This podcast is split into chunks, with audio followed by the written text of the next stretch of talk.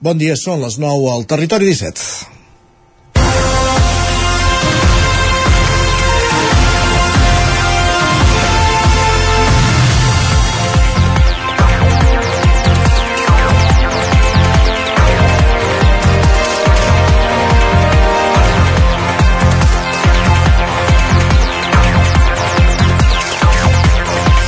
La flama d'en Tati Furriols s'apagava dissabte, després d'haver conviscut amb una greu malaltia els últims anys. Feia just una setmana de la seva última aparició pública. No es va voler perdre la presentació del documental del 30è aniversari de la Fundació Doctor Trueta que ell havia fundat. I va ser en el marc de la cooperació, la solidaritat i la inserció social, els tres pilars de la Trueta, que les generacions posteriors a la seva el va, vam conèixer, aquest metge, tot i que aleshores ja acumulava un llegat polític i l'activisme l'ha mantingut fins al final. Lluitador incansable pels drets de la llengua i del país, ha estat un actiu per l'independentisme els últims anys, arribant a l'extrem fins i tot de fer una vaga de fam per la llengua. El seu somriure permanent, la conversa i sobretot la tasca que fa la trueta en medi ambient, reciclatge o inserció social de persones amb malalties mentals és el llegat que ens deixa un home que hi va tenir un comiat multitudinari al Tanatori de Vic i acte seguit un pilar d'homenatge per part dels Segals d'Osona a plaça. Descansi en pau, Carles Furriols i Solà. Tati. És dilluns 6 de novembre de 2023, en el moment de començar el Territori 17 a la sintonia del 9 FM, la veu de Sant Joan, Ona Codinenca, Ràdio Cardedeu, Ràdio Vic, i també ens podeu veure, com cada dia ho sabeu, a través de Twitch, YouTube, Televisió de Cardedeu, el 9 TV i la xarxa més. Territori 17.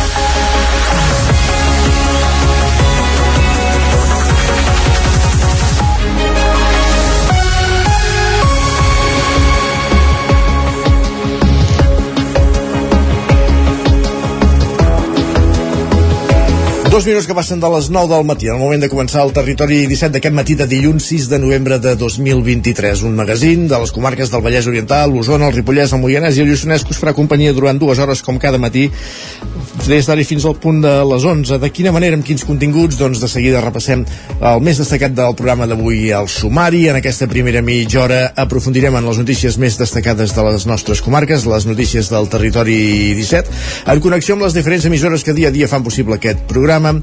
També farem un cop d'ull al cel amb la previsió del temps amb en Pep Acosta des d'Ona Codinenca i anirem al quiosc amb en Sergi Vives del 9FM repassant les, les portades dels diaris d'avui dilluns.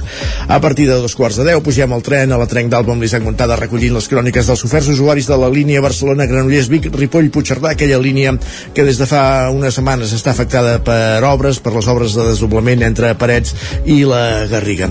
Acte seguit a l'entrevista conversarem amb Jordi Bruc, l'alcalde de Prats Prats de Lluçanès i alhora president del Consorci del Lluçanès, escollit president d'aquest consorci el passat dijous. Parlarem de la situació política de, de la comarca de Lluçanès i del paper d'aquest consorci al, al costat, en paral·lel amb la mancomunitat de municipis de Lluçanès que, que ha de ser el punt de partida de la nova comarca que s'ha de constituir abans del 31 de desembre.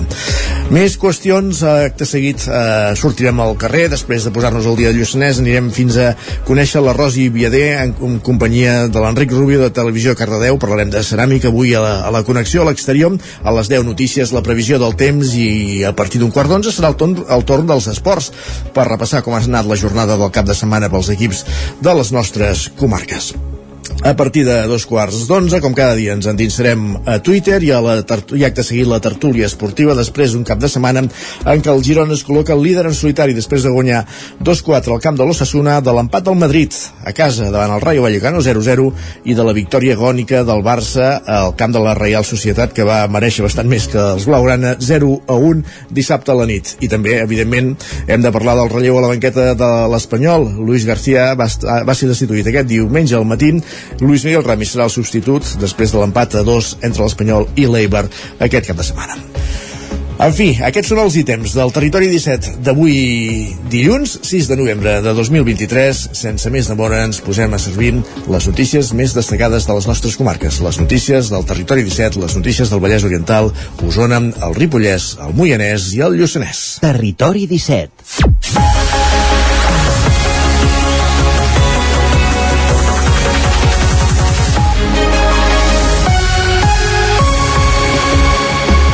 Centenars de persones acomiaden el metge activi i activista biguetà Carles Furriols, conegut popularment com a Tati, que ha mort aquest cap de setmana, dissabte al matí, als 67 anys, al 9FM, Sergi Vives. A la cerimònia de diumenge al tanatori de Vic s'hi van concentrar des de familiars, amics i alcaldes fins a representants de la Generalitat i el Parlament, entre els quals Quim Torra, Laura Borràs o els exconsellers Forn i Rull. Guardonat amb la Creu de Sant Jordi i Osonenc de l'any 2019, Furriols va dedicar tota la vida a lluitar pels més desfavorits. Ho plasmava fa 30 anys amb la creació de la Fundació Doctor Trueta. L'entitat va néixer amb l'objectiu d'enviar medicaments als països del tercer món i a mesura que s'ha fet gran ha anat desplegant diversitat de projectes orientats a fomentar la inclusió social i combatre el malbaratament de recursos. El seu esperit humanitari i la feina com a metge cooperant l'havien portat arreu del món, des de camps de refugiats d'Honduras o Haití fins a la guerra d'Angola. Exregidor de l'Ajuntament de Vic Furriols, va ser també sempre un independentista convençut amb ple franquisme en els anys de poc fervor i també quan va esclatar el procés, amb mostres com viatjar a Brussel·les per visitar els líders catalans a l'exili o la seva parada dels dissabtes a la plaça Major de Vic. Justament, aquest espai s'ha omplert durant el cap de setmana de rams de flors, una estelada i una bandera negra amb el lema Donec Perficiam, que significa fins a reixi.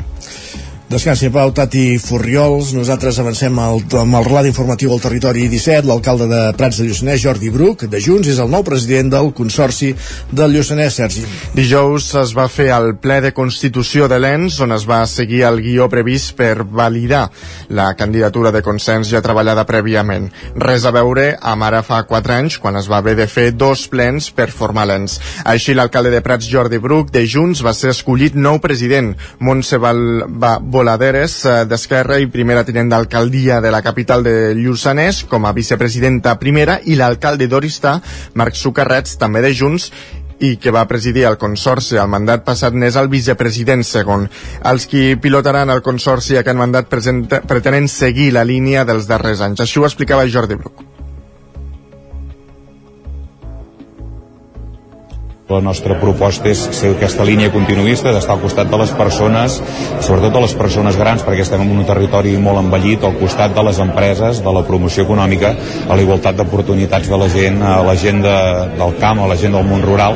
En aquest sentit, continuarem en aquesta línia.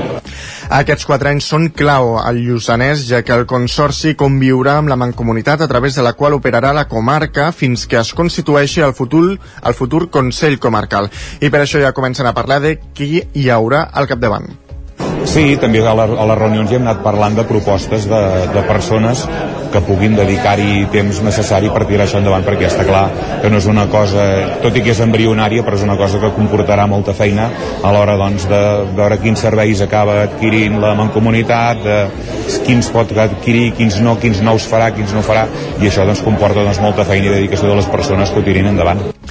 Mentre el Consorci inicia mandat ja s'estan redactant els estatuts de la futura mancomunitat que formaran vuit municipis, els quals posteriorment els hauran de ratificar. Es preveu que es posi en marxa els propers mesos. Més qüestions. L'Ajuntament de Manlleu dona per finalitzat el període d'adaptació amb el sistema porta a porta implantat ara fa un any. Així doncs, han anunciat sancions econòmiques contra els comportaments incívics que van dels 750 als 3.000 euros. Un any després de posar en marxa el sistema de recollida porta a porta, el ple que l'Ajuntament de Manlleu va celebrar aquest dilluns donava llum verda al reglament regulador que permetrà, a partir d'ara, endurir encara més les sancions als veïns que no fan bé la recollida. Va ser en la línia del que va començar a fer l'antic equip de govern liderat llavors pel republicà Àlex Garrido. Des de la seva posa, posada en marxa, el consistori ha exhibit mà dura amb els comportaments incívics. Després de deixar unes setmanes d'adaptació, l'Ajuntament va començar a imposar sancions de caràcter lleu, d'entre 100 i 200 euros. Sancions que a partir d'ara s'endureixen i que poden arribar als 3.000 euros. Sentim el regidor de Medi Ambient, Andreu Garcia. En el cas de les infraccions lleus, passem a, a que seran de 200 a 750 euros les greus seran de 751 a 1.500 euros les molt greus de 1.501 a 3.000 euros i a banda es podrà repercutir el cost de l'operatiu. El que es vol reflectir una mica amb aquestes sancions és el fet de que qui contamina i qui embruta paga. Un punt que va comptar amb els vots a favor d'Esquerra Republicana. Maeta Anglada, que amb la posada en marxa fa un any del porta a porta estava al capdavant de la regidoria de Medi Ambient, va lamentar el gir de guió del PSC. La republicana va recriminar als socialistes que ara estiguin d'acord en endurir les, sessions, les sancions quan a principis d'aquest mateix any i en el tram final del mandat apostaven per mesures alternatives a les multes econòmiques. Jo entenc que ara sou a l'equip, ho celebro, que tireu el sistema endavant um, i les modificacions que abans era difícil que hi hagués el consens de tots perquè sempre era aquella cosa que anàvem posant entre cometes aquells pals a les rodes ara veieu segurament que, que són necessàries perquè com el pressupost el sistema és viu i seria molt poc responsable no anar fent aquestes modificacions per anar-ho adaptant a les necessitats del municipi. Gràcies. El punt va tirar endavant amb els vots a favor de l'equip de govern format per Junts i PSC, d'Esquerra Republicana i de la CUP. I van votar en contra els dos regidors d'Ara Gent de Manlleu. El regidor d'Aliança Catalana es va abstenir. I més qüestions, l'Audiència Nacional acorda l'obertura del judici oral contra 12, els 12 CDR de l'operació Judes, entre els quals hi ha l'usonenc Xevi Buigas. Confirmen així la resolució de conclusió de sumari que ja va dictar el jutjat central d'instrucció número 6 de la pròpia Audiència Nacional el 27 d'abril. En aquesta instrucció es mantenia el processament per pertinença a organització terrorista contra 12 dels 13 CDRs detinguts, ja que per a un d'ells ja es va arxivar el cas fa un any i mig. A més d'atribuir als 12 processats el delicte de pertinença a, or a organització terrorista, a 8 d'ells també se'ls atribueix el de tinença, depòsit i fabricació d'explosius de caràcter terrorista. En aquesta nova resolució l'Audiència acorda l'obertura de judici oral i rebutja totes les al·legacions i recursos. D'altra banda, la Guàrdia Civil situa a Marta Rovira com a coordinadora de Tsunami Democràtic en un informe que ha remès a l'Audiència Nacional. Un informe on, per cert, s'apunta que Rovira tindria l'àlies Matagalls. L'Audiència investiga el tsunami per accions com el bloqueig de l'aeroport del Prat o el tall de l'AP7 a la frontera. Segons la policia, Rovira tenia coneixement previ de certes accions d'aquesta plataforma. Més qüestions, anem cap, ara, cap a Caldes de Montbui, anem cap al Vallès Oriental, perquè aquest divendres s'hi ha, ha fet un homenatge a Pere Torrades, un calderí supervivent a l'Holocaust nazi. Roger Ram, zona codinenca. Sí, exacte. Caldes de Montbui ha recordat aquest divendres la figura de Pere Torrades, un dels 13 calderins que van ser deportats als camps de concentració nazis. En un acte que que, en el que hi ha assistit alguns familiars de Torrades, entre els quals la seva filla Martín, acompanyats de diverses autoritats, s'ha col·locat una llamborda daurada marcada dins el projecte Stolperstein davant el domicili de Caldes en el que Pere Torrades va viure, el número 23 del carrer Sant Fèlix. Amb unes emotives paraules, Martín Torrades va recordar la vida del el seu pare a Caldes, on hi va passar la seva joventut, treballant a la Torre Marimón, fins que va haver de marxar a l'exili amb l'esclat de la Guerra Civil Espanyola. El 1944, Torrades va ser deportat al camp de concentració de Dachau, al nord de Múnich, i posteriorment a Flossenburg, d'on va ser alliberat, per cert, per l'exèrcit americà. Després d'haver sobreviscut, va tornar a França per retrobar-se amb la família. Escoltem Martín Torrades, filla de Pere Torrades el que hem fet és reconèixer un calderí que va viure al carrer Sant Fèlix i que va conèixer, per desgràcia, la cara més amarga de la humanitat i de la història. El que hem fet és reconèixer un calderí que va viure al carrer Sant Fèlix Aquest no era el tall que volíem escoltar. Per la seva banda, tant el president de l'Amical de Mauthausen, Joan Calvo, com també l'alcalde de Caldes, Isidre Pineda, s'han mostrat satisfets amb el treball de memòria democràtica que s'ha fet a la Vila Termal i que ha permès identificar i homenatjar, com dèiem, fins a 13 víctimes de l'Holocaust de Caldes, convertir-se en un referent a nivell català. Escoltem ara sí Isidre Pineda. Fèlix i que va conèixer, per desgràcia, la cara més amarga de la humanitat i de la història recent um, de la humanitat.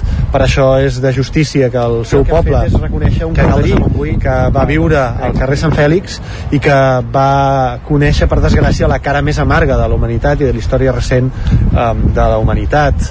Per això és de justícia que el seu poble, que Caldes de Montbui, uh, doncs trenqui, trenqui l'oblit El projecte Stolperstein en alemany llamborda que fan sopegar està present a dia d'avui en una vintena de països de tot el món i compta amb més de 75.000 homenatges repartits. Aquí a Catalunya la iniciativa està coordinada des del Memorial Democràtic i aquest diumenge, per cert, s'ha col·locat la que en fa 500 a Catalunya i també ha estat aquí al Vallès Oriental, en concret a Mollet del Vallès, en memòria de Joan Tura i Ros.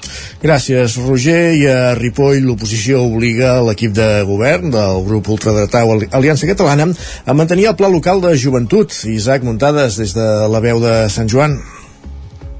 L'oposició de Ripoll va fer valer la seva majoria absoluta d'11 6 regidors per aprovar una moció de l'alternativa per Ripoll CUP que demanava mantenir el Pla Local de Joventut 2022-2025 i deixar en evidència la feblesa de l'equip de govern en minoria d'Aliança Catalana. Entre altres punts, la proposta demanava el compromís de l'Ajuntament de continuar executant el pla, fer-ne un seguiment adequat i justificar tots els canvis després de consensuar-los amb el jovent i els partits polítics del consistori. També es demanava el restabliment de la posició de l'educador de carrer i de la dinamitzadora, que havien estat destituïts sense explicar-ne els motius, i l'obertura del casal de joves al Galliner a la tarda. El portaveu Copaire, Daniel Vilaseca, apuntava que el pla tenia una base sòlida perquè s'havia fet a partir d'enquestes de joves del municipi, professionals que treballen en aquest sector de la població i amb regidors. És per això que s'havien identificat les necessitats i aspiracions reals del jovent ripollès. La retallada personal i de serveis preocupava a Vilaseca. Una d'aquestes estratègies que grinyola i que a la senyora Oriols li preocupa molt és la millora de la convivència al carrer. Precisament aquest pla de joventut feia esment a aquest jovent havia de tenir tota una sèrie d'estratègies enfocades per millorar millorar la convivència al carrer. Nosaltres plantegem aquesta moció per defensar un futur més pròsper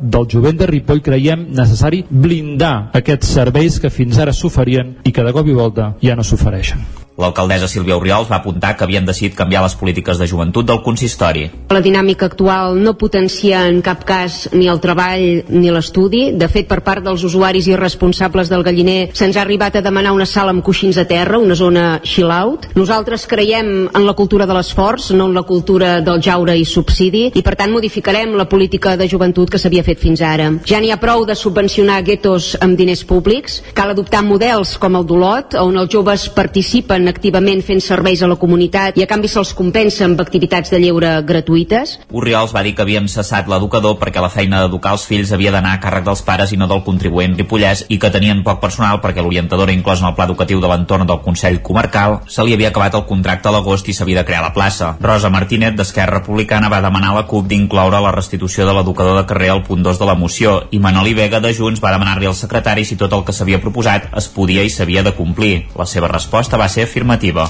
Gràcies, Isaac. I a Cardedeu, obrim plana cultural, presenten al Teatre Auditori l'obra Hamlet 0.1 de Sergi Balbel i Enric Cambrai. Enric Rubio, Ràdio Televisió Cardedeu. Hamlet.0 és un espectacle on l'actor interpreta tots els personatges de Shakespeare i on surt de la ficció per tal de disseccionar i comentar amb un to humorístic el text de l'autor. Paral·lelament a la funció, el dijous es va dur a terme una masterclass relacionada amb la temàtica de l'obra per fer un viatge en el món del teatre i esbrinar com aquest ha arribat en el punt actual. Després de fer la residència tècnica d'aquí de l'espectacle aquí al Teatre Auditori de Cardedeu, presentem Hamlet.01, que és un espectacle escrit i dirigit pel Sergi Balbel, eh, interpretat per mi, és un monòleg, eh, on Hamlet dissecciona eh, amb humor el primer acte de la seva tragèdia. Aquest diumenge a la tarda, al Teatre Auditori a Cardedeu s'ha presentat Hamlet.01, un espectacle escrit i dirigit per l'autor i dramaturg Sergi Balbel i interpretat per l'actor Enric Cambrai. L'obra té una durada de dues hores i el seu format permet que el públic estigui situat molt a prop de l'escenari. Vam fer una, un repàs a la història del teatre a través d'alguns fragments de les obres més grans de la literatura dramàtica del món, no? Des dels clàssics, passant per Willy Lowman de la mort d'un viatjant d'Arthur Miller, evidentment passant per Hamlet, aquest és un projecte de cinc espectacles, un monòleg per acte de Hamlet i aquest diumenge al Teatre Auditori de Cardeu els assistents han pogut presenciar-ne el primer. Gràcies, Enric. Aquí acabem aquest repàs informatiu que començava amb el punt de les 9 en companyia d'Enric Rubio, Isaac Muntades, Roger Rams i Sergi Vives. És moment al territori 17 de saludar també el nostre home del temps, en Pep Acosta. Per tant, sense més demora, tornem cap a una codinenca.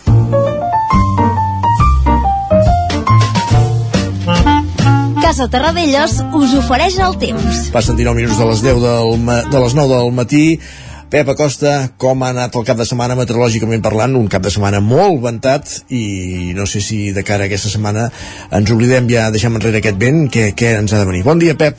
Hola, molt bon dia, per fi són dilluns, mm. comença la primera setmana sencera ja d'aquest mes de novembre i ho fem després d'un cap de setmana marcat sense cap mena de dubtes pel vent. Un vent, eh, molts casos, eh, molt fort, un vent que ha bufat en zones que no estem acostumats a que bufi i a més eh, ha bufat jo crec que moltíssimes hores eh, molta estona i amb ratxes, amb cops de vent força, força violents. Eh, sens dubte ha estat l'element més destacat. Un vent d'oest un vent de ponent que ha bufat inusualment fort i a més inusualment moltes hores jo per mi, pel meu gust masses hores, eh? ha bufat moltíssim per sort ja va de baixa ja va de baixa eh, aquest eh, vent provocat per les diferents pertorbacions que hi ha cap a l'oest de la península ibèrica també cap a l'oest d'Europa que aquí ens aporten això, bàsicament vent i fronts desgastats, eh, fronts molt poc actius que ben poca precipitació ens aporten. Eh, per tant, eh, millor que fronts així no ens afectin, perquè si no han de portar pluja i a sobre porten vent, millor que no ens afectin. I avui serà un dia més tranquil. Aquests fronts atlàntics ja no ens afectaran, el vent afluixarà i ens llevarem unes temperatures baixes. Es nota que ben afluixat, mínimes inferiors als 0 graus a moltes zones del Pirineu, per sota dels 5 graus a moltes zones interiors i per sota dels 10 graus al prelitoral. Aquest matí ens hem d'abrigar perquè fa força fred. Un fred que al migdia desapareixerà, perquè serà un dia més tranquil, sense vent, com deia abans, amb molt de sol i les temperatures al migdia pujaran moltes màximes entre els 15 i els 20 graus, ambient agradable a les hores centrals del dia, amb molt menys vent i amb una petita novetat. Eh, cap a Ripollès i Osona poden créixer nuvolades i no es descarten quatre gotes. He dit no es descarten, eh, perquè difícilment plourà, però poden arribar a caure a quatre gotes despistades cap a aquella zona, sobretot Osona i Ripollès. Si cauen seran quatre gotes. A la resta de les nostres comarques, tranquil·litat, sol i sense cap precipitació. Per desgràcia, anem sumant dies i dies sense cap pluja important. I durant tota la setmana no es preveu cap pluja important, tota la setmana, eh? cap pluja important, i es preveu un ambient bastant suau al migdia i fred de nit. Uh, un temps típic de novembre, però falta, falta la pluja sense cap mena de dubtes. Moltes gràcies i que passem bon dilluns. Adeu. Gràcies, Pep. Parlem d'aquí una estona. Sí que és cert que ja s'han començat a notar la baixada de temperatures a les nits. Avancem al territori 17 i gràcies, Pep. Parlem d'aquí una estona. Anem cap al quiosc. Casa Tarradellas us ha ofert aquest espai. 7 minuts i mig i seran dos quarts de 10 del matí. Territori 17. Envia'ns les teves... I ara el que fem al territori 17 és, com dèiem, anar cap al quiosc. Allà ens hi esperen Sergi Vives des del 9FM per repassar quines són les portades dels diaris del dia d'aquest matí de dilluns 6 de novembre de 2023. Per tant, si és dilluns, comencem repassant les portades de les dues edicions del 9-9, Sergi. Així és, comencem per la d'Osona, Ripollès i Lluçanès, que ens diuen que Vic ha de gestionar cada any més de 100 cotxes abandonats al carrer. Expliquen que ajuntaments com els de Ripoll i Torelló també es queixen que el procés per arribar a retirar-los és molt llarg i evidentment doncs, en portada um, també destaquen aquest comiat multitudinari a Tati Furriols que ahir diumenge doncs, van a, es van aplegar centenars de persones al tanatori de Vic més titulars, més portades. Al 9-9 del Vallès Oriental ens diuen que la població de senglars al Montseny es redueix per l'efecte de la caça i la sequera. Expliquen uh, que a la serralada litoral i la serralada de Marina el nombre d'animals es manté estable. I per altra banda diuen que Vilamajor torna al segle XII. Expliquen que unes 15.000 persones assisteixen a Sant Pere, al, Vilamo, al Vilamagore medieval, que té com a fil conductor la història de l'estada del comte Ramon Berenguer IV i la reina Peronella. Més portades, obrim eh, el prisma, anem a les portades dels diaris que s'editen a Barcelona, les dels diaris catalans. Pues anem amb el punt avui, que encapça la portada amb el titular Pisos buits poc útils. Eh, expliquen que hi ha més de 400.000 habitatges desocupats a Barcelona, bona part en zones de baixa demanda. Diuen que en funció del seu consum elèctric, un 10,7% es considera buit i un 8,2% d'ús esporàdic. El periòdico diu que l'economia blava genera a Barcelona 16.200 llocs de treball. Expliquen que el volum de negoci relacionat amb els esdeveniments vinculats al mar ja arriba als 4.000 milions. Diuen que l'aposta de Barcelona passa també per l'impuls de l'hidrogen verd. La Vanguardia diu que el president palestí accepta implicar-se en Gaza després de la guerra. Expliquen que Mahmoud Abbas demana a Blinken un alto al foc israelià i que es prevegi una solució per a tots els territoris ocupats. Lara diu que PSOE i Junts ultimen la negociació per la investidura. Expliquen que les converses s'han reconduït, però Puigdemont insisteix que cal afegir el lawfare a l'amnistia. Diuen que el Suprem podria aprofitar les causes de malversació i terrorisme per portar la llei al Tribunal de Justícia Europeu. I repassem ara portades espanyoles. El país diu que PSOE i Junts es citen a Brussel·les per culminar l'acord. Expliquen que el número 3 del PSOE busca avui superar els últims esculls amb Puigdemont per la investidura. La BC diu que quasi la meitat dels votants del PSOE estan en contra de l'amnistia. Expliquen que el 52,2% dels espanyols creuen que la reelecció de Sánchez és negativa, però el 68% la donen per descomptada. Afegeixen que el 70% dels ciutadans no entenen el retras d'Armengol en convocar la sessió d'investidura.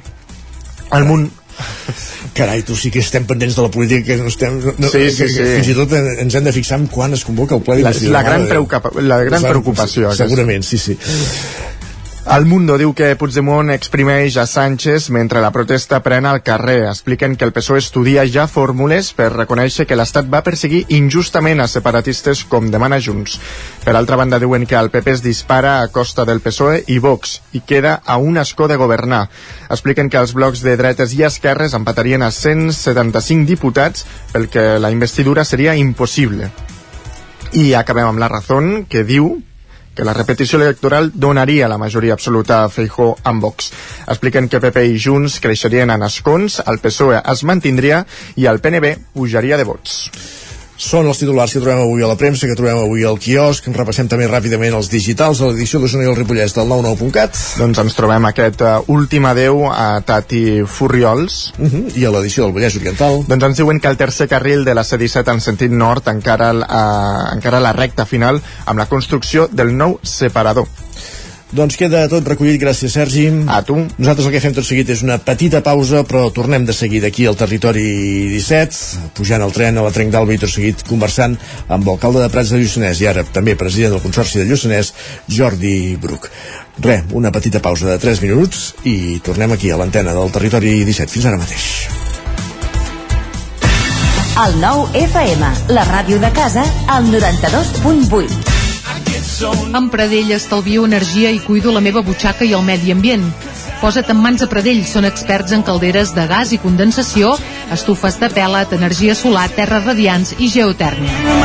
Pradell instal·la calderes de biomassa per a particulars i per a empreses. Si vols estalviar un 50% en consum, contacta amb Pradell i passa't a les energies renovables. Pradell som a l'Avinguda Països Catalans 27 de Vic. Telèfon 93 885 1197. Pradell.cat. La qualitat de les teves impressions és important per tu? Estàs cansat que els colors i les imatges no surtin com t'esperes? A Impremta Mater disposem de la tecnologia més avançada i els millors professionals per aconseguir impressions d'alta qualitat. Fem tota classe d'impresos amb acabats professionals. Llibres, catàlegs, revistes, tesis, calendaris, enquadernacions... I, a més, disposem del servei d'impressió digital en gran format. Roll-ups, lones, pòsters i molt més. Impremta Mater. Ens trobaràs a la carretera de Sant Hipòlit 23 de Vic o impremtamater.com. Quan tingui un problema amb la seva caldera, vagi directament a la solució. Truqui sempre al servei tècnic oficial de Saunier Duval i despreocupis, perquè som fabricants i coneixem les nostres calderes peça a peça. I ara aconseguiu fins a 300 euros en canviar la caldera. Informeu-vos al 910 77 10 50 o a saunierduval.es. L'infopodcast del 99.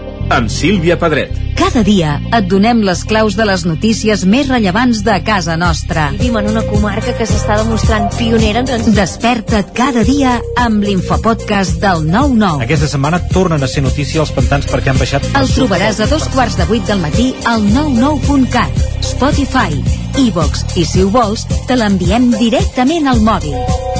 Subscriu-te als canals de WhatsApp i Telegram del 99. Soc Sílvia Pedret. Comencem. Cada dimarts a les 11 de la nit, al 9 FM, repàs de l'actualitat esportiva a la banqueta. Territori 17. El nou FM 7. Som l'espai comunicatiu format per les comarques d'Osona, el Lluçanès, el Moianès, el Ripollès i el Vallès Oriental. Enric Rubio, Ràdio Televisió, Cardedeu. Bon dia al grup. Cada matí, de 9 a 11, al 9 Roger FM. Zona Codinenca. De la sanitat pública. L'actualitat de les nostres comarques i tot el has de saber abans de sortir de casa. Isaac Muntades, la veu de Sant Joan. de setmana, Sant Joan. Cada matí, Territori del temps. 17. Avui contents. Anuncia't al 9 FM. La màquina de casa. 9 3 8 8 9 4 9 4 9. Publicitat arroba al 9fm.cat. Anuncia't al 9FM. La publicitat més eficaç. Territori 17.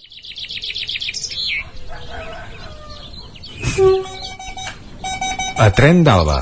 Cada dia els usuaris i usuàries de la línia R3 de Rodalies que veuen sortir el sol des d'un vagó ens expliquen les gràcies i les penes del primer comboi que uneix Ripoll i Barcelona o les feixugues jornades amb el tren després de treballar. Benvinguts a Tren d'Alba. La notícia de finals de la setmana passada és el traspàs de Rodalies que han pactat Esquerra Republicana de Catalunya i el PSOE per poder avançar en la investidura de Pedro Sánchez, però m'interessa posar el focus amb la preocupació que van mostrar els companys del col·lectiu perquè no ens fotin el tren, que els hi preocupava una entrevista en què la consellera de Territori, Esther Capella, havia deixat una incertesa sobre què passaria amb el servei entre Puigcerdà i l'atur de Carol Enveig. Des d'aquesta plataforma insistien en que no el podien deixar perdre. Al contrari, calia potenciar més la connexió internacional entre l'R3 i els serveis dels ferrocarrils francesos. En Jordi Valls ens en diu alguna cosa al final de la crònica, però abans ens parla del seu viatge de divendres. Bon dia, sóc el Jordi de Centelles. Va, us explicaré la meva experiència del divendres. El divendres vaig fer el salt aquest de Barcelona fins a Parets, havia agafat l'autobús i fins a Centelles. Més o menys vaig calcular uns 10-12 minuts que es demora més que el tren, però clar, tot depèn del retard que acumuli el benvolgut Rodalies de Barcelona fins a Parets. I calculava uns 12 minuts més. O sigui, el problema és el tren. Bueno, no, el tren mai és el problema, és qui presta el servei Rodalies, Renfe, Adif, tota aquesta tropa. Sí, sí, curiosament, què va passar? Que vam arribar a Centelles i a la gent se li havia escapat el tren i tothom maleint l'autobús. Però l'autobús no tenia culpa. El retard venia del tren, del recorregut de Barcelona Parets. Res, perquè prenguem nota, perquè això del traspàs no ho sé, però que alguna cosa s'ha de fer segur. Vinga, que vagi bé el dia, adeu-siau. És evident que hi ha una demora important i que qui presta el servei no és eficient. Veurem si el traspàs de Rodalies, quan estigui fet al 100%, serveix d'alguna cosa o seguim igual de malament. Va, ens retrobem demà amb més històries del tren i de l'R3. Territori 17. Ara mateix dos minuts i mig que passen de dos quarts de 10 del matí.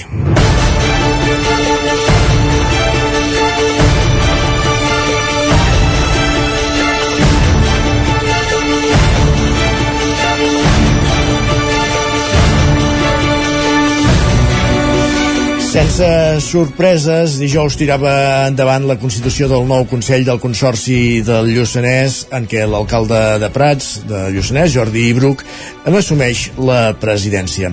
Volem parlar de la situació d'aquest consorci, de la situació de Lluçanès com a comarca, en companyia precisament de Jordi Bruc, alcalde de Prats de Lluçanès i president del Consorci des d'aquest passat dijous. Benvingut, bon dia. Bon, bon dia, dia, bon dia. Bon dia, Jordi. Uh, primer de tot, enhorabona per aquesta nova responsabilitat, aquesta presidència del Consorci de, del Lluçanès.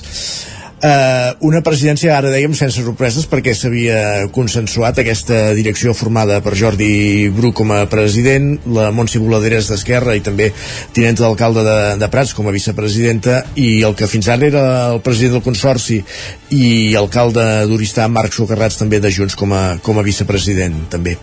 Uh, per tant, ara ja sí, no hi ha hagut uh, debat en aquest aspecte, uh, aquest nou consorci torna uh, a operar després de, de, de constituir-se amb els representants sorgits de les eleccions municipals de, de 2023.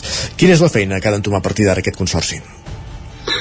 Bueno, doncs la feina, està clar, primer de tot és continuar la feina que hi ha engegada. És com bé sabem, nosaltres som prestadors de serveis, estem al costat de les persones, al costat de, dels emprenedors, del servei d'ocupació, de, de la promoció a les empreses, dels serveis socials, de tots aquests serveis que, que són prestadors de serveis, el que hem d'acabar fent és, com no, donar una continuïtat de tots aquests serveis i veure, doncs, com anirem encaixant tot aquest tema també amb la futura comunitat, que és el que ha d'acabar regint el que és la comarca o el reconeixement oficial d'aquesta comarca i veurem doncs quins serveis acaben anant en paral·lel, quins els presta uns, quins uns altres i veure com, com acabem anant. Però bueno, la intenció és aquesta, tenir aquesta continuïtat de prestadors de serveis, i més no de tot el que acabàvem fent fins ara. De seguida parlarem de, de la mancomunitat i, i de la comarca. Sí que en, en el seu primer discurs com a president citava explícitament la, la voluntat d'estar al costat de les empreses, de potenciar el turisme i garantir la igualtat d'oportunitats entre persones, amb un ull sempre posat en les necessitats de, de la gent gran. D'anar en aquesta línia tots aquests serveis que, que ha de prestar el Consorci? Doncs sí, la veritat és que sí. Estem en una comarca natural ben reconeguda, de fet eh, la natural no la posa ningú en dubte, estem en un territori eh, on eh, tenim la població bastant envellida, és un dels territoris doncs, de Catalunya on tenim població envellida. I això vol dir doncs, que hem de tenir especial atenció per aquest, per aquest tipus de, de persones. I en aquest cas doncs, estarem al costat, com no. Eh, també com a territori natural doncs, tenim un potencial gran on poder explorar eh, apostant fort doncs, per al turisme, apostant doncs, per aquestes rutes equestres que s'han començat a fer aquests primers enllaços on podem atreure doncs, eh, turisme internacional volcat en aquest sentit. Eh, tenim paisatge, tenim gastronomia, tenim història, tenim moltes coses per poder tirar endavant això. I com no, sense deixar de banda, doncs, eh, a la gent, a les persones, a la feina, estem en un territori que fa 5 anys estàvem a 3 quarts d'hora 50 minuts de Vic en bus i a una hora i pico de Barcelona i avui en dia doncs estem a 20 i pocs minuts de Vic i a una hora i poc de Barcelona eh, doncs ho hem de saber vendre també, no un lloc on la gent només ens vinguin a dormir, sinó al contrari, que sigui un lloc on poder viure i treballar i poder-lo explotar d'aquesta forma. Uh -huh. uh, abans ho deia, aquest nou consorci del Lluçanès haurà d'anar en paral·lel amb la nova mancomunitat, aquest òrgan transitori fins a la constitució del Consell Comarcal uh, a partir de les eleccions municipals de, de l'any 2027. En quina fase està ara mateix la, la constitució de la mancomunitat del Lluçanès? Doncs mira, estem en procés de redacció d'estatuts, que els tenim quasi bé cuinats, diguem-ho d'aquesta manera. De fet, eh, havien de passar per tots els plens municipals l'acceptació de formar part d'aquesta mancomunitat i designar dos representants per partir d'aquí fer aquesta comissió redactora d'estatuts. Eh, la feina la tenim feta, vull dir, hi ha algun ajuntament, no sé si crec que és un, que ens falta encara eh, aquesta aprovació per, per el seu ple municipal, si no ha sigut aquesta mateixa setmana, o serà aquesta mateixa setmana, i tenim gairebé els estatuts enllestits, els hem consensuat amb tots els ajuntaments, ara ens tocarà doncs, que secretaris interventors de cada ajuntament també hi acabin donant una miqueta la seva, eh, més jurídico-legal, eh, més que res, eh, que ens hi facin l'última ullada i a partir d'aquí doncs, fer un ple eh, per aprovar-los amb tots els regidors de tots els ajuntaments de la comarca, quan estiguin aprovats passar-lo pels plens municipals de cada ajuntament i després una exposició pública. Està clar que estem a la primera setmana de, de novembre ja i això tindrà els seus tràmits i veig just que pugui estar abans d'acabar l'any com realment ens deia la llei però si no acaba sent ben bé finals d'any doncs serà ben bé a principis de, de l'any vinent. Hi haurà aquesta dualitat que abans comentava del Consorci de Lluçanès, on hi ha representats, diguem, en gran part el que és la, la comarca històrica i la, la mancomunitat on, on hi haurà la, la comarca administrativa, per entendre'ns. Uh, de la comarca històrica, el Consorci uh, en va caure Merlès, però els altres 12 ajuntaments hi són tots?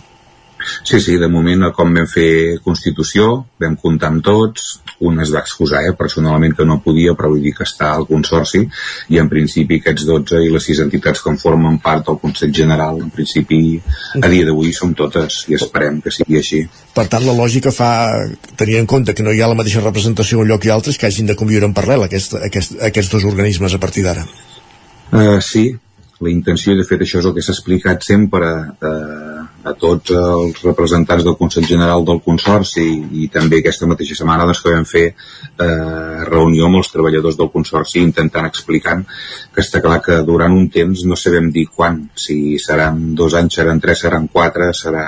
no sabem exacte, però està clar que han d'anar en paral·lel per veure realment quins serveis la Mancomunitat acaba entomant ja no de la, de la mateixa Consorci de Lluçanès, sinó també, per exemple, del Consell Comarcal d'Osona, quin tipus de serveis acaben tomant ja, quins deixa preparats per la propera legislatura, quins es crearan de nous, quina estructura tècnica, això és el que ha de començar a treballar a dia d'avui, però està clar, eh? vull dir que almenys durant una temporada el Consorci i la Mancomunitat han d'anar totalment en paral·lel treballant. El que també explicava dijous en aquesta presa de possessió com a nou president del Consorci de Lluçanès és que a la Mancomunitat hi haurà feina i que per tant s'hauran de, de tribu, retribuir també aquestes, aquestes tasques. Bueno, està clar que hi haurà feina. De fet, eh, amb de les reunions que acabàvem parlant amb, amb tots els representants polítics dels ajuntaments, eh, hi havia propostes sobre la taula de que hi hagués una sola única direcció, eh, una direcció que fos la mateixa que portés el Consorci i que portés la Mancomunitat i nosaltres hem acabat explicant que, que això era moltíssima feina eh, que, que les, les, les mateixes persones o qui acabessin liderant la Mancomunitat i la, i la Consorci del Lluçanès que acabessin sent les mateixes a nivell de, de feina personal era moltíssima i per això exposàvem i dèiem la possibilitat de que poguessin ser persones diferents fins i tot això, eh, els, pel que fa als càrrecs institucionals al capdavant, vostè ara mateix no es veu com a president de la Mancomunitat. Uh, això és una cosa que vam parlar entre tots i de fet està encara sobre la taula però sí que vam fer una proposta i la proposta era que no estigués jo davant de la mancomunitat sinó que hi hagués una altra persona i s'haurà d'acabar de debatre i parlar-ne entre tots. Però la intenció era aquesta que una altra persona liderés la mancomunitat. Uh -huh. I abans parlava de, de les competències que ha d'assumir aquesta mancomunitat. Uh, ja no només del Consorci deia també de, del Consell Comarcal d'Osona. Estem parlant de, de qüestions de calat com poden ser la recollida selectiva, la recollida del servei de deixalles, la portada d'aigües, eh, tots, tots aquests serveis que presta el Consell Comarcal els acabarà prestant el Consell Comarcal de Lluçanès? És el que acabarem veient i hem de veure fins a on realment podem acabar arribant entomant serveis grans com poden ser aquest, eh, el de recollida de residus, en el qual també els ajuntaments doncs, tenim uns, uns contractes i uns convenis signats amb la, amb la nova empresa licitadora que va guanyar el servei de, de recollida i hem de que ja va veient entre tots realment doncs, de, de, de quins imports podem acabar disposant, de, de quines seran les subrogacions de personal que comportarà cada tipus de servei servei, quins es podran fer els mateixos, quins hauran de ser nous, etc etc està clar.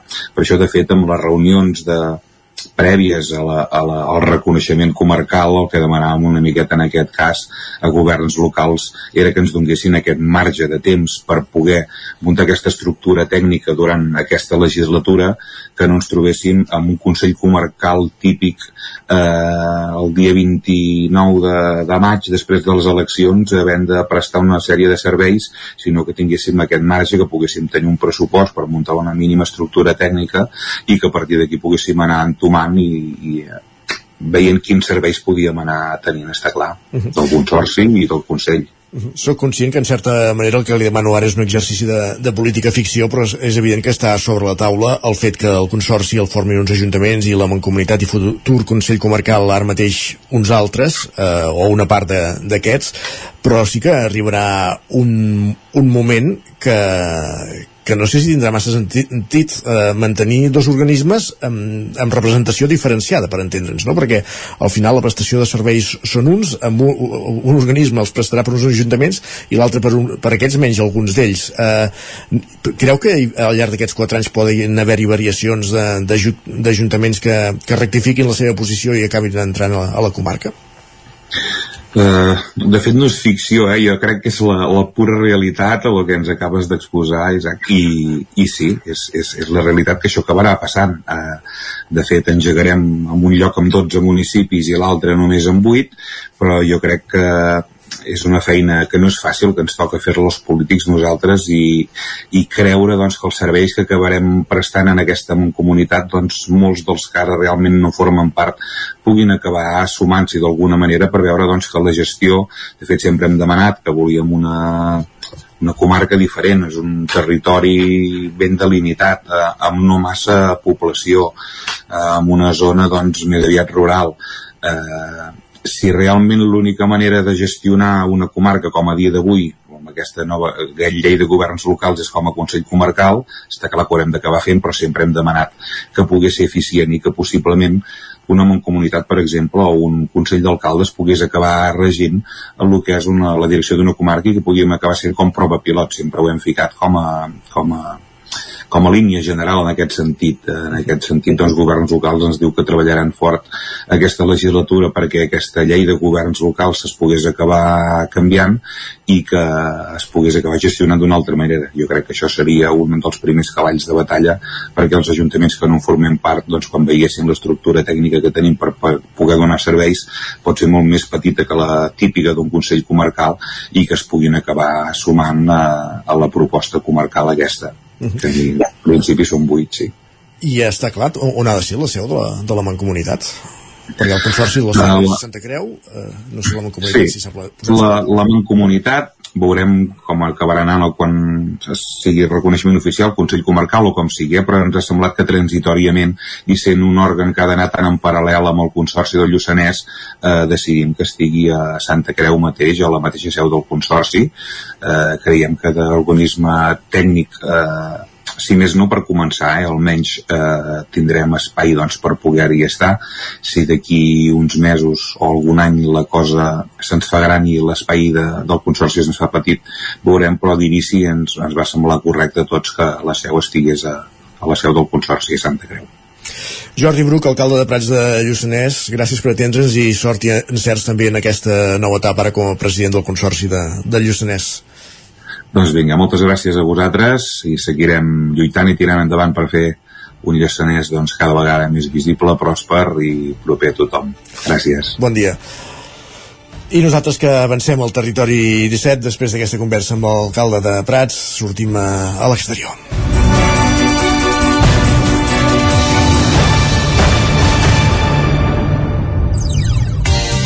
Territori 17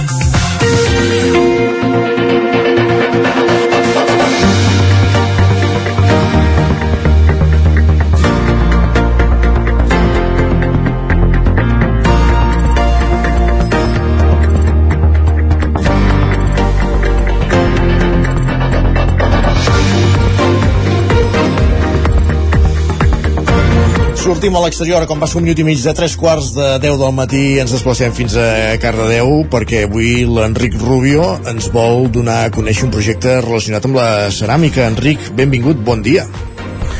Hola, bon dia, Isaac, com estem? En rebeu bé? Perfectament. On ets? Fantàstic. Doncs mira, estic amb unes... Ara no, que t'hem deixat de, de rebre. Enric?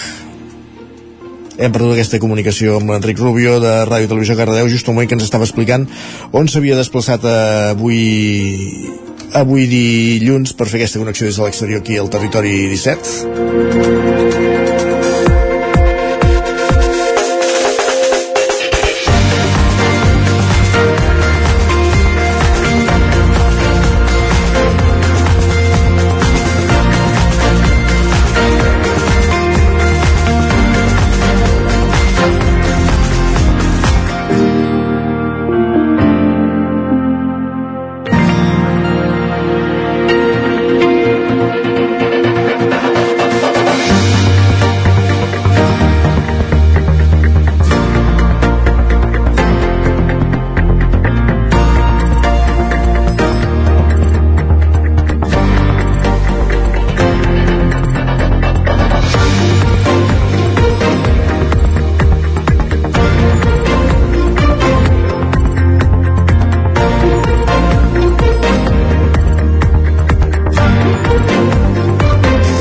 Ara sí, sembla que podem recuperar aquesta comunicació amb l'Enric Rubio, Ràdio Televisió Cardedeu. No sabem ni on és, perquè just quan anaves a respondre'ns t'hem perdut la, la comunicació. Enric, bon dia de nou. Ara sí, on ets? Bon dia, doncs què tal? Mira, us explico. Aquests darrers anys a poblacions com Cardedeu s'està veient un augment de l'interès de la ciutadania pel sector de l'artesania i dins d'aquest, més concretament, eh, en la voluntat de voler crear, fabricar i o construir un mateix productes que normalment anem a buscar a botigues especialitzades. Aquest és el cas del sector ceramista, per exemple, i per això avui hem volgut visitar a la Rosi Vila, Viadé, disculpeu, artista i ceramista que imparteix tallers per persones que volen deixar volar la seva vessant més artística i que alhora s'enduen cap a casa la vaixella, utensilis o creacions més escultòriques. Hola Rossi, primer de tot, eh, moltes gràcies per obrir-nos les portes del teu taller. Molt bon dia, com estàs? Hola, bon dia, molt bé, molt bé, aquí eh, preparada per les preguntes. doncs vinga, per començar, explica'ns una mica d'on et ve aquesta vena artística, com arriba la ceràmica a la teva vida? És una cosa des dels inicis, des que eres ben menuda, o t'ha arribat més d'adulta? Doncs um, eh,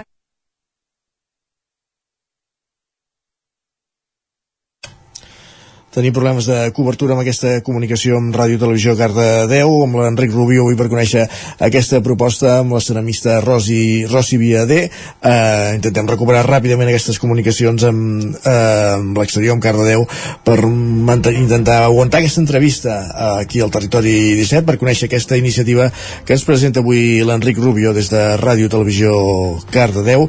Eh, com dèiem, en breus moments intentem recuperar aquesta comunicació i avancem al Territori 17, el magazín de les comarques del Vallès Oriental, l'Osona, el Ripollès i el Lluçanès, en el qual acabem de parlar amb Jordi Bruc, el nou president del Consorci de Lluçanès, l'alcalde de Prats de Lluçanès, i en el qual hem, amb qui hem aprofundit sobre aquesta dualitat d'aquest consorci, amb la mancomunitat que s'està gestant i cap a, que ha de conduir cap a un Consell Comarcal a partir de les eleccions municipals de l'any 2027, una mancomunitat que ens deia Jordi Bruc que possiblement no pugui estar operativa abans d'acabar l'any com, com, regular, com preveia la llei, però que si no és abans d'acabar el 2023 serà ja als inicis del, del 24 que entrarà en funcionament i que estarà funcionant també eh, paral·lelament al Consorci a les mateixes instal·lacions de, de la seu del Consorci a Santa Creu de Juglar.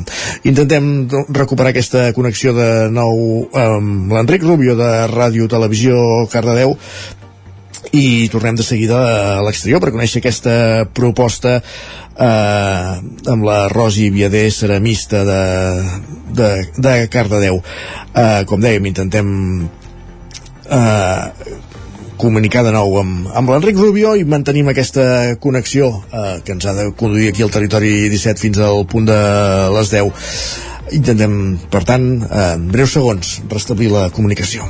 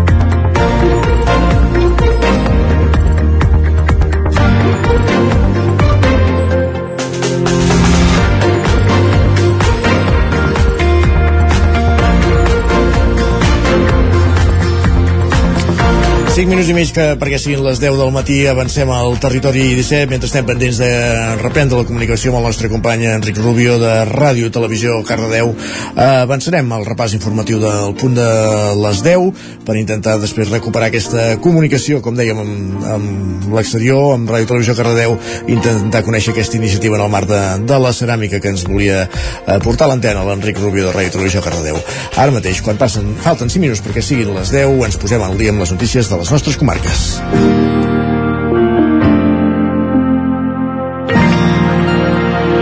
Territori 17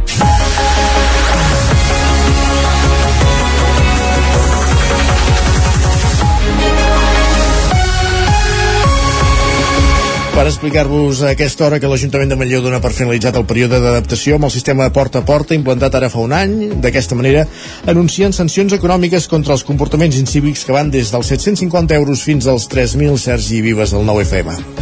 Un any eh, després de posar en marxa el sistema de recollida porta a porta, el ple que l'Ajuntament de Manlleu celebrava dilluns donava llum verda al reglament regulador que permetrà, a partir d'ara, endurir encara més les sancions als veïns que no fan bé la recollida. Va en la línia del que va començar a fer l'antic equip de govern liderat llavors pel republicà Alex Garrido. Des de la seva posada en marxa, el consistori ha exhibit madura amb els comportaments incívics. Després de deixar unes setmanes d'adaptació, l'Ajuntament va començar a imposar sancions de caràcter lleu entre 100 i 200 euros. Sancions que a partir d'ara s'endureixen i que poden arribar als 3.000 euros. Sentim el regidor de Medi Ambient, Andreu Garcia. En el cas de les infraccions lleus, passem a, a que seran de 200 a 750 euros, les greus seran de 751 a 1.500 euros, les molt greus de 1.501 a 3.000 euros i a banda es podrà repercutir el cost de l'operatiu. El que es vol reflectir una mica amb aquestes sancions és el fet de que qui contamina i qui embruta paga. Un punt que va comptar amb els vots a favor d'Esquerra Republicana. Maite Anglada, que amb la posada ara fa un any del porta a porta estava al capdavant de la regidoria de Medi Ambient, va lamentar el gir de guió del PSC.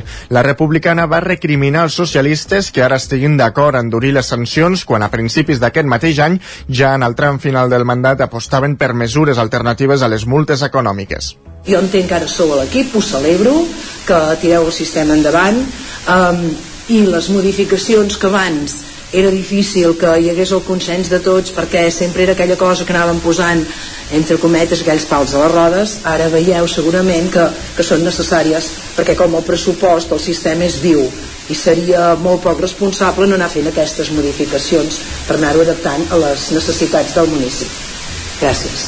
El punt va tirar endavant amb els vots a favor de l'equip de govern format per Junts i el PSC i amb Esquerra Republicana i els de la CUP i van votar en contra els dos regidors d'Ara Gent de Manlleu. El regidor d'Aliança Catalana es va abstenir. Més qüestions, l'alcalde de Prat, Jordi Bruc, de Junts, és el nou president del Consorci de Lluçanès. Hem parlat amb ell fa uns moments aquí al Territori 17. Dijous es va fer el ple de Constitució de l'ENS on es va seguir el guió previst de validar la candidatura de consens ja treballada prèviament. Res a veure amb ara fa quatre anys quan es va haver de fer dos plens per formar l'ENS. Així, l'alcalde de Prats, Jordi Bruc, de Junts, va ser escollit nou president. Montse Voladere, Voladeres, d'Esquerra i primera tinent d'alcaldia de la capital de Lluçanès, com a vicepresidenta primera, i l'alcalde d'Oristà, Marc Sucarrats, també de Junts, i que va presidir el Consorci al mandat passat, n'és el vicepresident segon. Els qui pilotaran el Consorci aquest mandat pretenen seguir la línia dels darrers anys. Això ho explicava Jordi Bruc. La nostra proposta és ser aquesta línia continuista, d'estar al costat de les persones, sobretot de les persones grans, perquè estem en un territori molt envellit, al costat de les empreses, de la promoció econòmica, a la igualtat d'oportunitats de la gent, a la gent de, del camp, a la gent del món rural. En aquest sentit, continuarem en aquesta línia. Aquests quatre anys són clau al Lluçanès, ja que el Consorci conviurà amb la Mancomunitat a través de la qual operarà la comarca fins que es constitueixi el futur Consell Comarcal. I per això ja comencen a parlar de qui hi haurà al capdavant. Sí, també a, la, a les reunions hi hem anat parlant de propostes de, de persones que puguin dedicar-hi temps necessari per tirar això endavant, perquè està clar que no és una cosa, tot i que és embrionària, però és una cosa que comportarà molta feina a l'hora doncs, de veure quins serveis acaba adquirint la mancomunitat, de quins pot adquirir, quins no, quins nous farà, quins no farà, i això doncs, comporta doncs, molta feina i dedicació de les persones que ho tirin endavant. Mentre el Consorci inicia mandat, ja s'estan redactant els estatuts de la futura mancomunitat que formaran vuit municipis, els quals posteriorment els hauran de ratificar. Es preveu que es posi a marxa els propers mesos. I d'una comarca a una altra, del Lluçanès cap al Vallès Oriental, perquè el Consell Comarcal d'aquesta comarca del Vallès Oriental presenta l'informe anual sobre el grau de compliment de l'Agenda 2030. Roger Rams, zona codinenca. Sí, aquest estudi ha fet un seguiment del compliment de fins a 65 indicadors de desenvolupament sostenible d'ODS en àmbits com ara el canvi climàtic, la salut, la producció i consum d'energies renovables, la transparència d'empreses i institucions o la violència de gènere, entre d'altres. En canvi, segons apunta aquest estudi, qüestions com ara l'igualtat entre homes i dones, la qualitat de l'oferta eh, educativa a la comarca o la innovació són alguns dels punts en què els indicadors mostren un alt grau de compliment.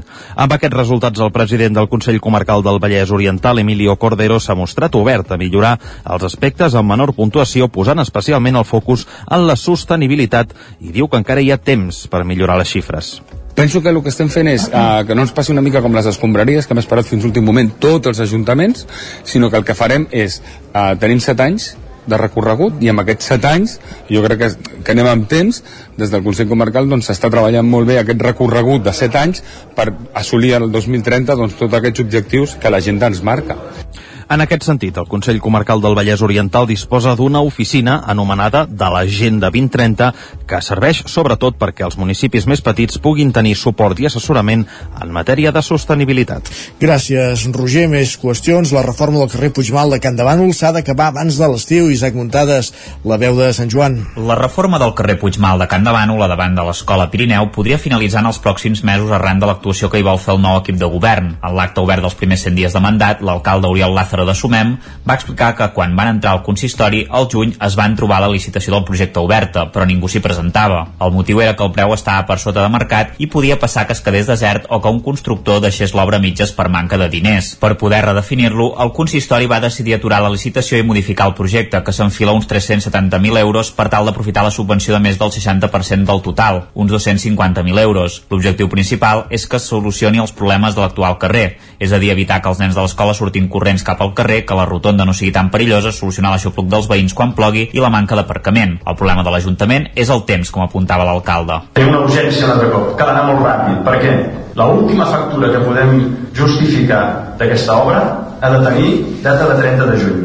Clar, si encara hem de presentar el projecte, aprovar-lo inicialment, que passi tot el procés d'exposició pública, després aprovar-lo definitivament, fer la licitació, i un cop hem fet tot això i estigui adjudicat, començar l'obra. I això ho hem d'acabar abans del 30 de juny de córrer molt, val? El consistori va presentar un primer esbós del projecte que no és definitiu, ja que el govern es vol reunir amb els veïns de la zona i amb l'Associació de Famílies d'Alumnes perquè puguin modificar-lo com els hi sembli evident. L'esbós del projecte permetrà pacificar el carrer, ja que es posarà un grau a l'entrada i a la sortida perquè els cotxes circulin a un màxim de 20 per hora. A més a més, el paviment d'aquell carrer s'igualarà al del centre del municipi per ser homogeni. Pel que fa a la rotonda, ara mateix l'accés és recte i els cotxes no frenen. En el projecte l'entrada s'encurvaria i se solucionaria la problemàtica. També s'habilitarà un espai perquè hi pugui aparcar l'autobús escolar. Per evitar que els nens travessin el carrer, entre la sortida de l'escola i el vial, s'hi col·locaran uns bancs de pedra i s'hi pujarà vegetació. També s'arranjarà la vorera dels veïns perquè el pendent per entrar als garatges sigui més suau. La manca d'aparcament se solucionaria obrint el pati de l'escola antiga del carrer Coll i Verdolet perquè els pares estacionin allà. Només haurien de caminar uns 100 metres fins a l'escola per anar a buscar els nens i així no col·lapsarien l'entrada al centre i no hi hauria cotxes mal aparcats.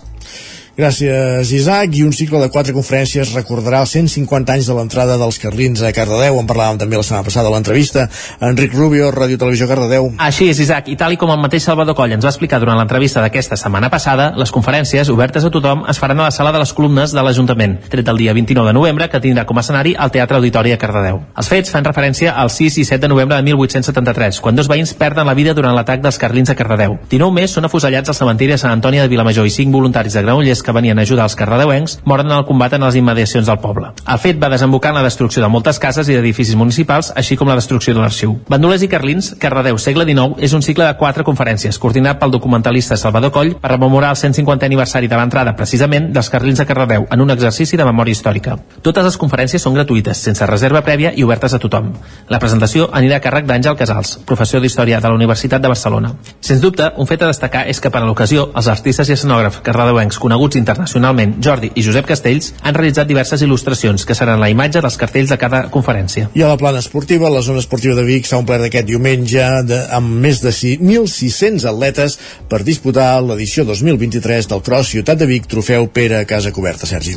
A banda dels atletes, acompanyants i aficionats del món de l'atletisme no es van voler perdre aquesta cita que va tenir com a cursa estrella les sèniors, amb victòries de Xavier Badia i Laia Casajuana. Badia va completar les quatre voltes al circuit bigatà amb un total de 8 quilòmetres amb un temps de 24 minuts 31 segons. Per darrere seu va entrar Eric Lore amb 13 segons i Toni Baños a 31. La cursa femenina es va decidir a la darrera volta quan Casajuana es va posar per davant. En aquesta categoria, el Club Atlètic Vic, format per Laia Andreu, Ana Comet, Encarna Núñez, Marta Molisti Toma Bele i Caite van, uh, van aconseguir el subcampionat de Catalunya per clubs. Només les va superar la grupa, mentre que l'Hospitalet va ser tercer. El Club Atlètic Vic també va pujar al podi en el sènior masculí, concretament va ser tercer per darrere del Cornellà Atlètic i el, Xafa, el Xafatolls. El conjunt bigatà també va pujar al podi en la categoria sub-16, aconseguint la primera posició, i en la sub-14 masculí. Gràcies, Sergi. Acabem aquí aquest repàs informatiu que començàvem una mica abans de les 10 avui, en companyia de Sergi Vives, Enric Rubió, Roger Rams i Isaac Muntades. És moment al territori 17, quan passen 6 minuts de les 10, de saludar el nostre home del temps, en Pep Acosta.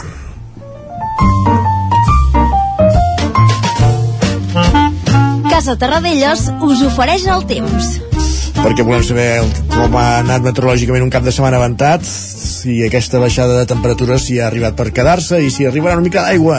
Pep Acosta, benvingut de nou, bon dia. Hola, molt bon dia, per fi som dilluns, comença la primera setmana sencera ja d'aquest mes de novembre, i ho fem després d'un cap de setmana marcat sense cap mena de dubtes pel vent. Un vent, eh, en molts casos, eh, molt fort, un vent que ha bufat en zones que no estem acostumats a que bufi, i a més, eh, ha bufat, jo crec que moltíssimes hores, eh, molta estona, i amb ratxes, amb cops de vent força, força violents. Eh, sens dubte ha estat l'element més destacat. Un vent d'oest, un vent de ponent, que ha bufat inusualment fort i a més inusualment moltes hores jo per mi, pel meu gust masses hores, eh? ha bufat moltíssim per sort ja va de baixa ja va de baixa eh, aquest eh, vent provocat per les diferents pertorbacions que hi ha cap a l'oest de la península ibèrica també cap a l'oest d'Europa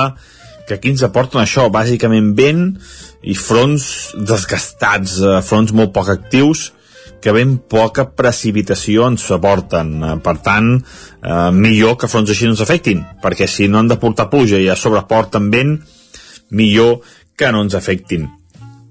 I avui serà un dia més tranquil. Aquests fronts atlàntics ja no ens afectaran, el vent afluixarà i ens llevarem unes temperatures baixes. Es nota que ben afluixat, mínimes inferiors als 0 graus a moltes zones del Pirineu, per sota dels 5 graus a moltes zones interiors i per sota dels 10 graus al prelitoral. Aquest matí ens hem d'abrigar perquè fa força fred.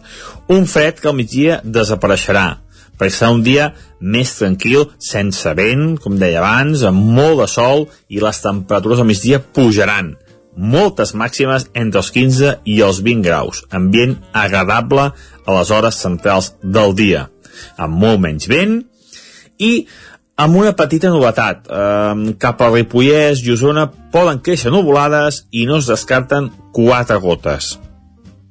He dit no es descarten, eh, perquè difícilment plourà, però poden arribar a caure a quatre gotes despistades cap a aquella zona, sobretot Osona i Ripollès. Si cauen seran quatre gotes. A la resta de les nostres comarques, tranquil·litat, sol i sense cap precipitació. Per desgràcia, anem sumant dies i dies sense cap pluja important.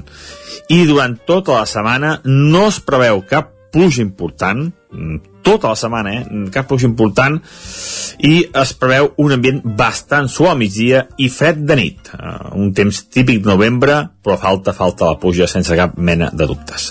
Moltes gràcies i que passem bon dilluns. Adeu. Gràcies, Pep. Bon dilluns per tu també. Nosaltres avancem aquí al Territori 17. Casa Tarradellas us ha ofert aquest espai. Territori 17 Envia'ns les teves notes de veu per WhatsApp al 646 079 023. 646 079 023. WhatsApp Territori 17.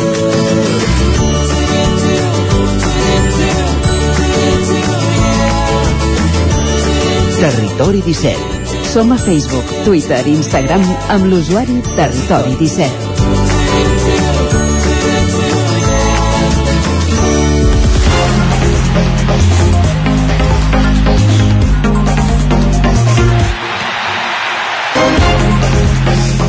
Deu minuts que passen de les 10 del matí al territori 17, com cada dilluns a aquesta hora el que fem és aprofundir en l'actualitat esportiva de les nostres comarques, ja ho sabeu, repassant eh, exhaustivament el que ha donat a si esportivament parlant el cap de setmana pels equips esportistes de, de casa nostra.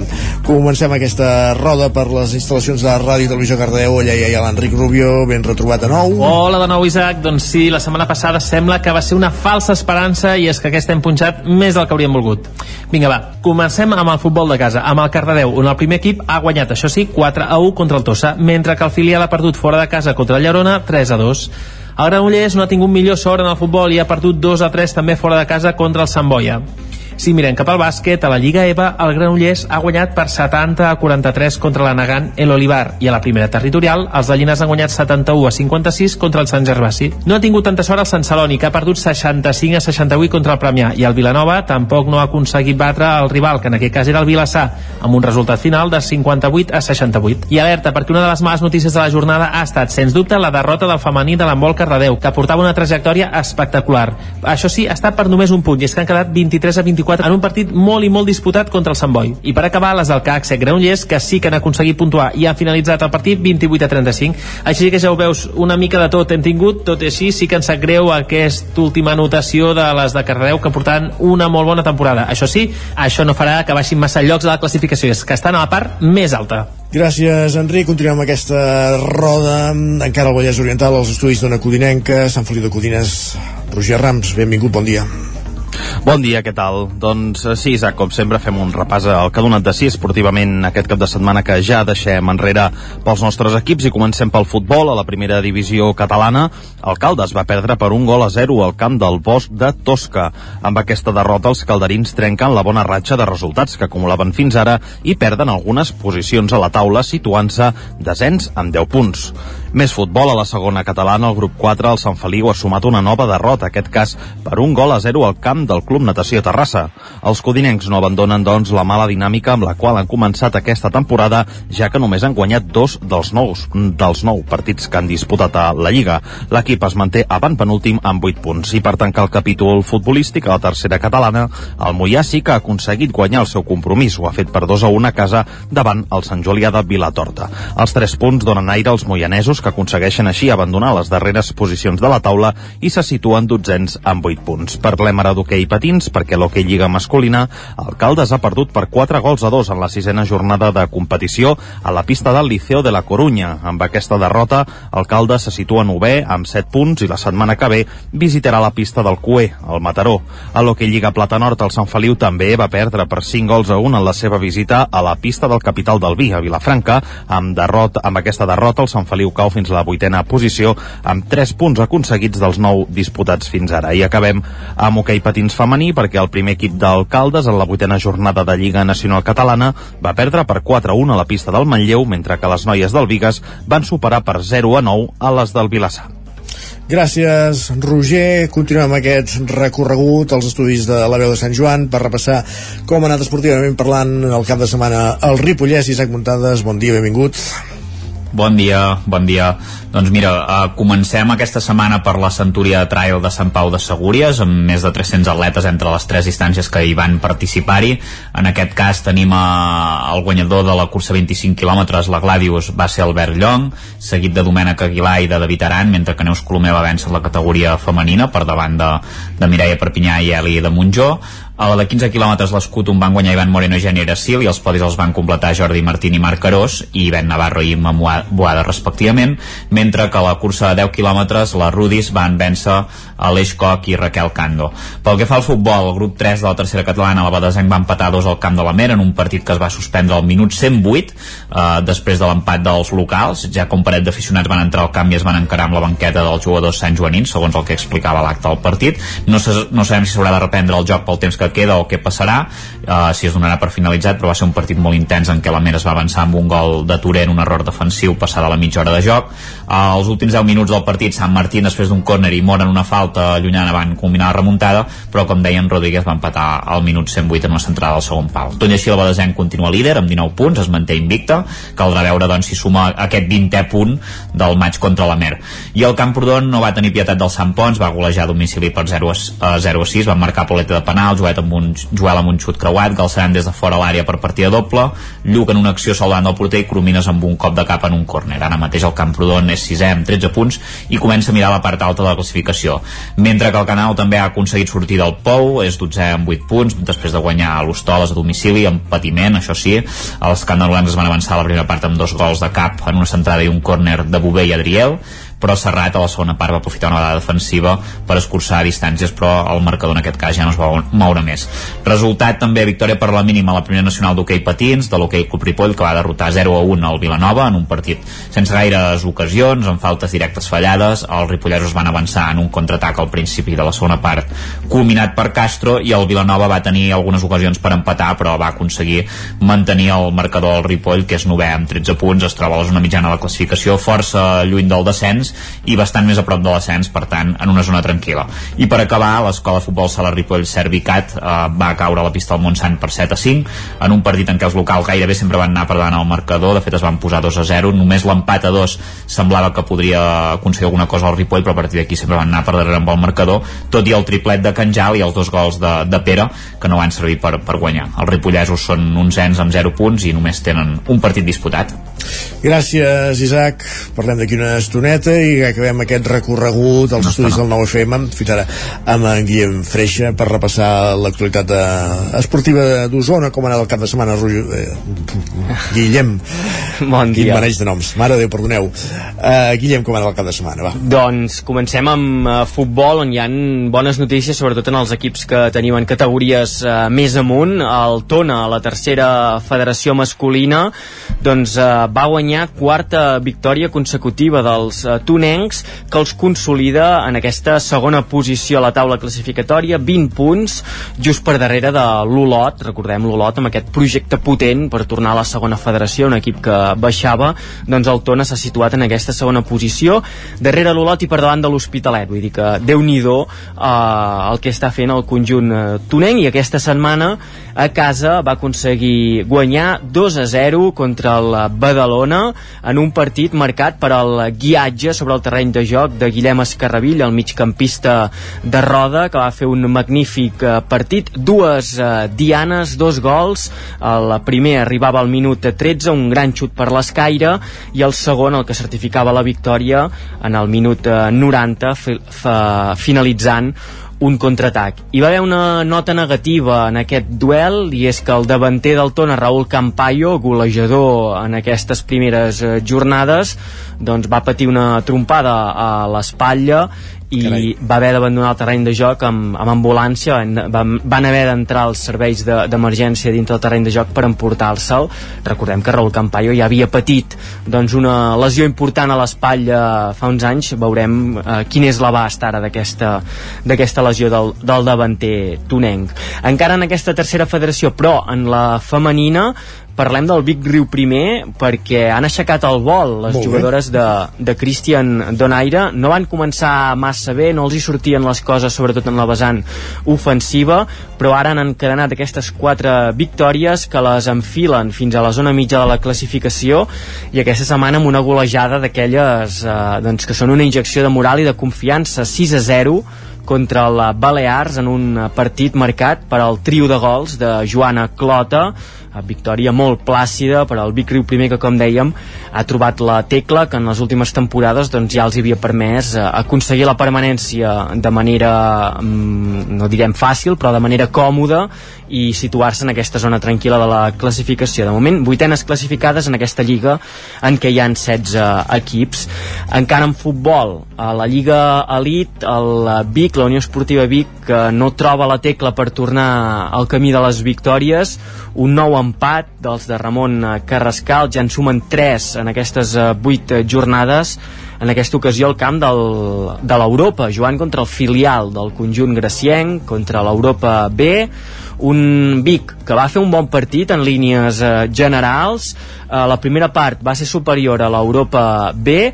I al límit del descans es va viure una jugada clau en què hi va haver un possible penal sobre el Vic. El col·legiat no el va xiular i en el contraatac que es va generar doncs eh, Juli va acabar veient la segona targeta groga i el van expulsar. Just començava la segona meitat, el Vic s'avançava a través de Kerr amb un molt bon gol de Vaselina. El Vic va haver de defensar doncs, durant 50 minuts amb un jugador menys i a les acaballes, quan quedaven només 11 minuts, l'Europa va aconseguir un gran gol, un molt bon xut des de fora de l'àrea que entrava per l'escaire i que, com dèiem, deixava aquest empat a un Anem a la primera catalana, aquí hem anat parlant aquestes últimes setmanes del Manlleu, del líder de la categoria. Que comptava els partits per victòries, eh? Exacte, ara hem de dir que continuen sense perdre, que Correcte. també té molt mèrit no? en el món del futbol i en el món de l'esport eh, no, no perdre. Aquesta setmana, però, segon empat eh, seguit, van sumar un empat fa una setmana contra Blanes i en aquesta ocasió va ser a eh, Can Givert, a Girona, al barri de Girona, on van empatar a un gol. El partit semblava que feia baixada amb el gol al minut 2 d'Ernest. A la primera meitat van tenir oportunitats doncs, per, per sentenciar, però no va arribar aquest segon gol i en el segon temps a bola aturada, pilota aturada, eh, el Can Givert amb una centrada xut que es va enverinar i va acabar entrant a la xarxa del porter d'Ivan aconseguien l'empat a un uh, final en l'hoquei patins, esport eh, típic, tradicional de la comarca d'Osona, hoquei Lliga Femenina, recordem que el, el Voltregà Momento Estern masculí no jugava aquest cap de setmana perquè el seu rival, el Noia, tenia competició europea i jugaran el dimecres, jugaran -huh. entre setmana. En l'hoquei Lliga Femenina, el Manlleu va golejar l'Alcobendas, 9 a 2, victòria plàcida, amb gols de Castellví, López, Engrill i Mates, un uh, Martinelli a Manlleu que se situa en aquesta zona mitja alta de la taula classificatòria en la Lliga femenina.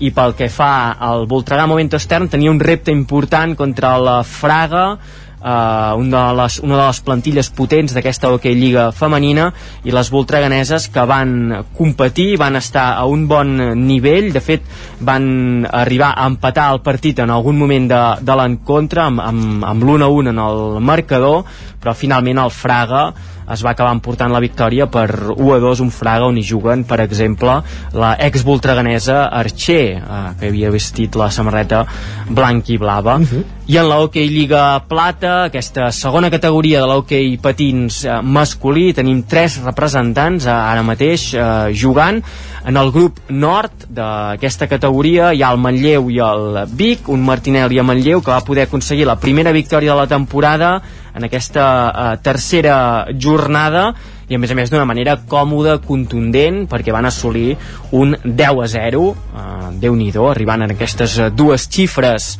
en l'electrònic, un Manlleu que a través de Codinac, Pujades, Picard, Rubén, Autet i Humà eh, doncs van anar fent pujar els gols fins a aquest 10 eh, a 0 van imposar el seu ritme, el seu domini res a fer per al Ordes aquest eh, equip acabat d'arribar en aquesta hoquei Lliga Plata i a destacar una cosa sempre complicada com és deixar la porteria a zero en l'hoquei patins. Encara en aquesta categoria d'hoquei Lliga Plata Nord el Vic podríem dir que s'ha abonat els resultats curts perquè en la primera jornada una victòria per 2 a 1 en la segona un empat a 3 gols amb el eh, Manlleu, aquí sí que una mica més de gols i aquesta setmana 1 a 1 a casa contra el Sant Cugat també un d'aquests equips que sol estar a la zona alta de la classificació l'equip Sant Cugatenc. Doncs eh, en la seva visita a l'Olímpic el Sant Cugat eh, va marxar amb un punt. El Vic que va tenir moltes ocasions va eh, fer treballar de valent el porter visitant però com dèiem només va valdre el gol de Font que arribava just abans del descans. En la segona meitat doncs oportunitats a banda i banda però sense encert, sense arribar a perforar cap de les dues porteries. I acabem amb el Taradell que competeix en el grup sud per tant eh, no competeix ni amb el Manlleu ni amb el Vic va per si sol i el eh, Taradell visitava la pista de l'Igualada per enfrontar-se al seu filial eh, i els taradellencs van aconseguir un empat a 3 gols, per tant un punt que s'emportaven cap a Taradell en aquest eh, duel que es va acabar resolent. En l'últim minut eh, Benito rescatava el punt, marcava el gol que suposava aquest empat a 3 eh, definitiu i el Taradell que se situa en quarta posició en aquesta Hockey Lliga Plata Sud Fem un últim apunt de el bàsquet, un bàsquet Vic que continua comptant els seus partits per victòria, 5 victòries i només una derrota en aquesta arrencada de la Lliga, en aquesta ocasió 60 a 77, per tant victòria de 17 punts en la seva visita a la pista del Roser de Barcelona, uns biguetans en què van destacar eh, David Vidal amb 15 punts i com dèiem aquesta feina de grup per aconseguir una nova victòria en la Lliga EVA i també hi ha hagut coses aquest cap de setmana en la vessant poliesportiva com aquest cross Ciutat sí. de Vic o la, o la duatló de Tavernes. Vull dir que d'activitat esportiva al cap, al cap, de, al cap de setmana n'hi ha hagut per no parar eh? Sí, exacte, aquest cross uh, Ciutat de Vic que uh, l'any passat no es va fer es recuperava en aquest 2023 deien per uh, aglutinar més gruix de, de corredors. A més a més uh, comptava com a campionat de Catalunya de clubs de la disciplina. I això es va traduir doncs, amb una gran participació d'atletes atletes amb una matinal fantàstica i amb un recorregut, el del Cross Ciutat de Vic, que és eh, reconegut, eh, val que la redundància, per eh, el món de l'atletisme, un cross autèntic que explicaven des de l'organització i que va acabar guanyant Xavier Badia i Laia Casa Joana, com dèiem, eh, cross d'alt nivell el que es va viure aquí a la ciutat de Vic aquest cap de setmana. Gràcies, Guillem, per aquest exhaustiu repàs del cap de setmana esportiu aquí, aquí a la comarca d'Osona. Adéu, bon dia. I nosaltres que avancem al territori 17 ja ens esperen Guillem Sánchez que té a punt les piolades més destacades que ha trobat en les darreres hores a X allò que fins ara en dèiem Twitter les repassem tot seguit després d'una petita pausa i avancem aquí al territori 17 perquè després de les piolades serà el torn de la tertúlia esportiva com cada dilluns per, per parlar d'aquests resultats del cap de setmana que fan que el Girona ara mateix sigui el líder de primera i que segona l'Espanyol hi hagi protagonitzat un dels primers canvis d'entrenador de, de la temporada ahir acomiadava en Luis García i semblaria que Luis Miguel Ramis ha d'agafar el relleu del tècnic asturià càntabre a la, a la banqueta. Fem una petita pausa, res, 3 minutets i, abans, i torna al territori 17 amb piolades i tertúlia esportiva. El nou FM, la ràdio de casa, al 92.8. La qualitat de les teves impressions és important per tu? Estàs cansat que els colors i les imatges no surtin com t'esperes? A Impremta Mater disposem de la tecnologia més avançada i els millors professionals per aconseguir impressions d'alta qualitat.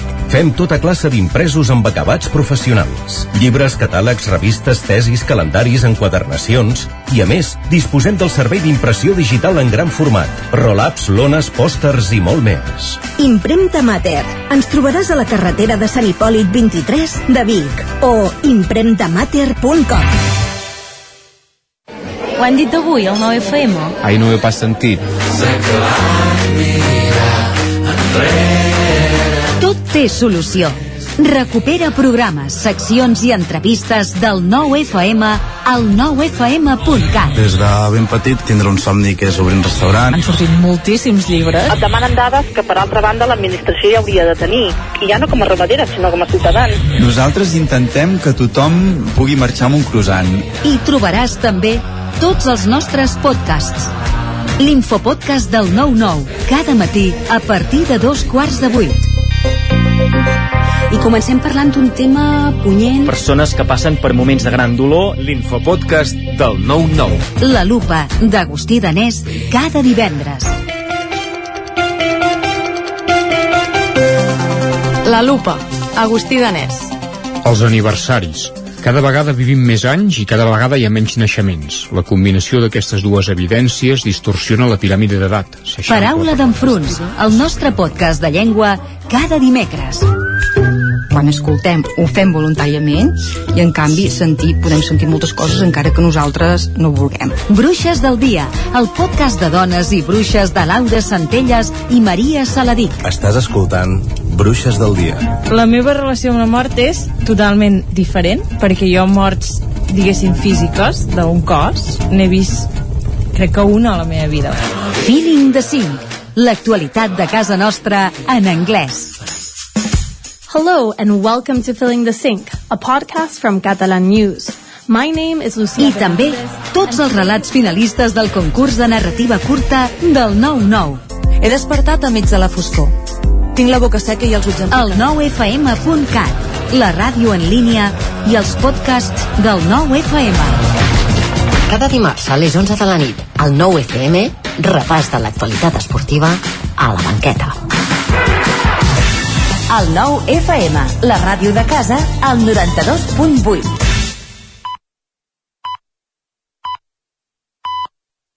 En punt ara mateix al 9FM, al territori 17, volem dir dos quarts d'onze del matí.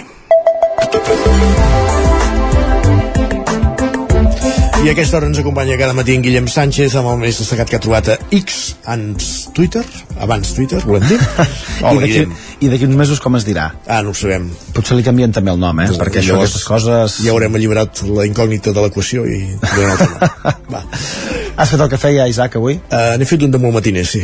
Va, jo el que no sabia és que hi havia tècniques com les que ens explica aquesta tuitaire. Ja, què diu? Mira, ens diu, doncs ja ha arribat el temps d'escalfar la tasseta prèviament abans de posar-hi el cafè. Escalfar la tassa abans. Correcte. Això complica molt els processos, eh, aquelles hores del matí. Tu això ho havies sentit mai o, No. o sabies de la seva existència? No, no, no. Home, directament ja quan ho poses al microones o quan en poses el líquid ja calent a dintre ja s'escalfa, no? Correcte. Que de fet en Valentí ens diu això, diu ah sí, per què? Diu, estem parlant de cafè sol jo si és tallat o cafè amb llet ja l'escalfo amb el llet al microones. És això. És el més normal, no? Jo avui me n'ha fet falta fer un de cafè sobretot perquè ahir em vaig quedar fins tard a veure el Madrid de futbol uh, l'Àlex em No sembla que haver-hi ens fa... gols, eh? No gols, eh? No, per això també em va condicionar una mica a l'hora de dormir-me veient el partit.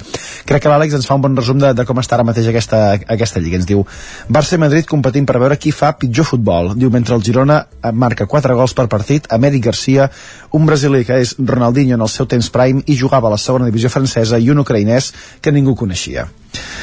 És que té mèrit, eh? Sí. Té mèrit i, i ve de gust, que això és l'altra part de l'equació. Correcte. I mireu què ens diu en Ramon, també diu, qui havia de pensar que quan demanàvem un segon equip potent a Catalunya ens acabéssim referint al Barça.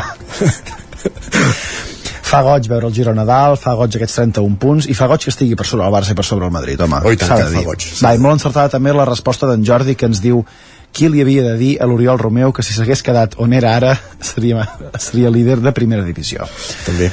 És que les circumstàncies poden, poden canviar molt. De fet, qui, qui s'hagués imaginat que el Girona després de 12 partits 12, no? Uh, O ostres, ara ho faràs comptar, però pot ser. 12 em sembla eh, estigui líder de, de primera divisió com deia més que s'ha de dir que això del Girona ja comença a ser una mica gros llegim en Gerard que ens 12 diu jugades, 12 de partits jugats. 12, que en aquest cas són 10 victòries i un empat i la derrota amb el, amb Correcte, el Madrid. 10 victòries, un empat i una derrota, sí senyor. Com ens diu en Gerard, diu, el 80% dels equips de primera haurien celebrat el gol de l'empat al Sadar a 20 minuts pel final. Diu, el Girona ha anat ràpid a per la pilota per fer-ne un altre. Diu, no és la mentalitat d'un equip que només aspiri a la permanència, ni al top 6. És alguna cosa més. De fet, pot ser que aquest eh, cap de setmana Mitchell ja digués que havien d'estar lluitant per Europa? Pot ser que se li escapés de la roda de premsa? No ho he sentit. És que no em sembla que sí i ho vaig trobar bastant, bastant gros ja. Molt bé. Va, què més vas fer ahir, Isaac? Ahir... Eh, poca cosa. Poca Què, cosa. què vols dir què més? Perquè No, a part, de, a part de mirar futbol... a Ah, no, part no de... vaig mirar futbol ahir. No? No? no I el Madrid tampoc, no. És que els usuaris de Twitter estan molt contents de poder no fer res els dies de festa. Això està bé. I de fet ens ho, ens ho escriuen i ens diuen Els meus plans de diumenge, diu, i ja en van tres de seguits i m'agrada, són, atenció, comprar el diari i esmorzar fins que es faci l'hora de portar el pollastre a l'as per dinar. Després migdiada o passejada si el temps acompanya. Diu, quins 40 anys més apassionats m'esperen. Uh, estic molt content que entre els seus uh, entre aquests deures que es posa hi hagi comprar el diari, perquè és una pràctica cada cop menys habitual, eh? I de poder esmorzar el diumenge amb un bon cafè a casa, amb tranquil·litat, llegint el, el diari és dels pocs petits plaers que potser encara, Correcte. encara ens queden. Sí. Va, i l'Ariana ho té clar en aquesta època de l'any. Ens diu, plaer número 7 de la tardor. Diu, un diumenge a la tarda i que tota la casa faci olor de moniatos al forn. Això és maco. De moniatos, de panellets, de que faci falta. castanyes o del que faci falta, evidentment. Va, malgrat això, per xarxes també trobem, evidentment, a gent enfadada, com no podria ser d'una altra manera. Twitter. Aquí em, van, aquí em van dos exemples. El primer ens escriuen coses que m'indignen molt. Diu que un cantant català no es digni pronunciant una frase en català en concert a Barcelona, la primera. Diu, i qui també està enfadada és aquesta... Qui anava aquesta no ho sabem. Qui No ho sabem, no ho sabem.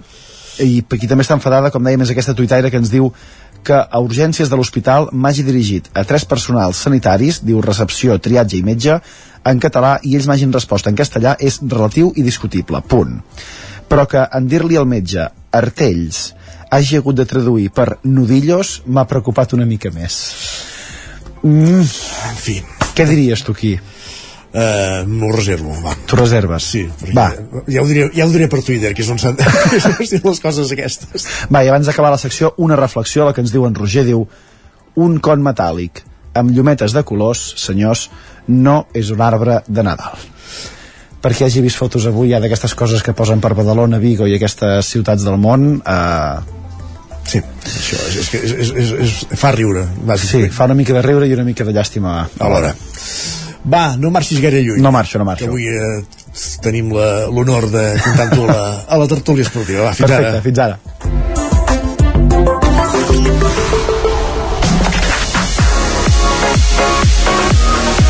Territori 17. 5 minuts i mig que passen de dos quarts d'onze.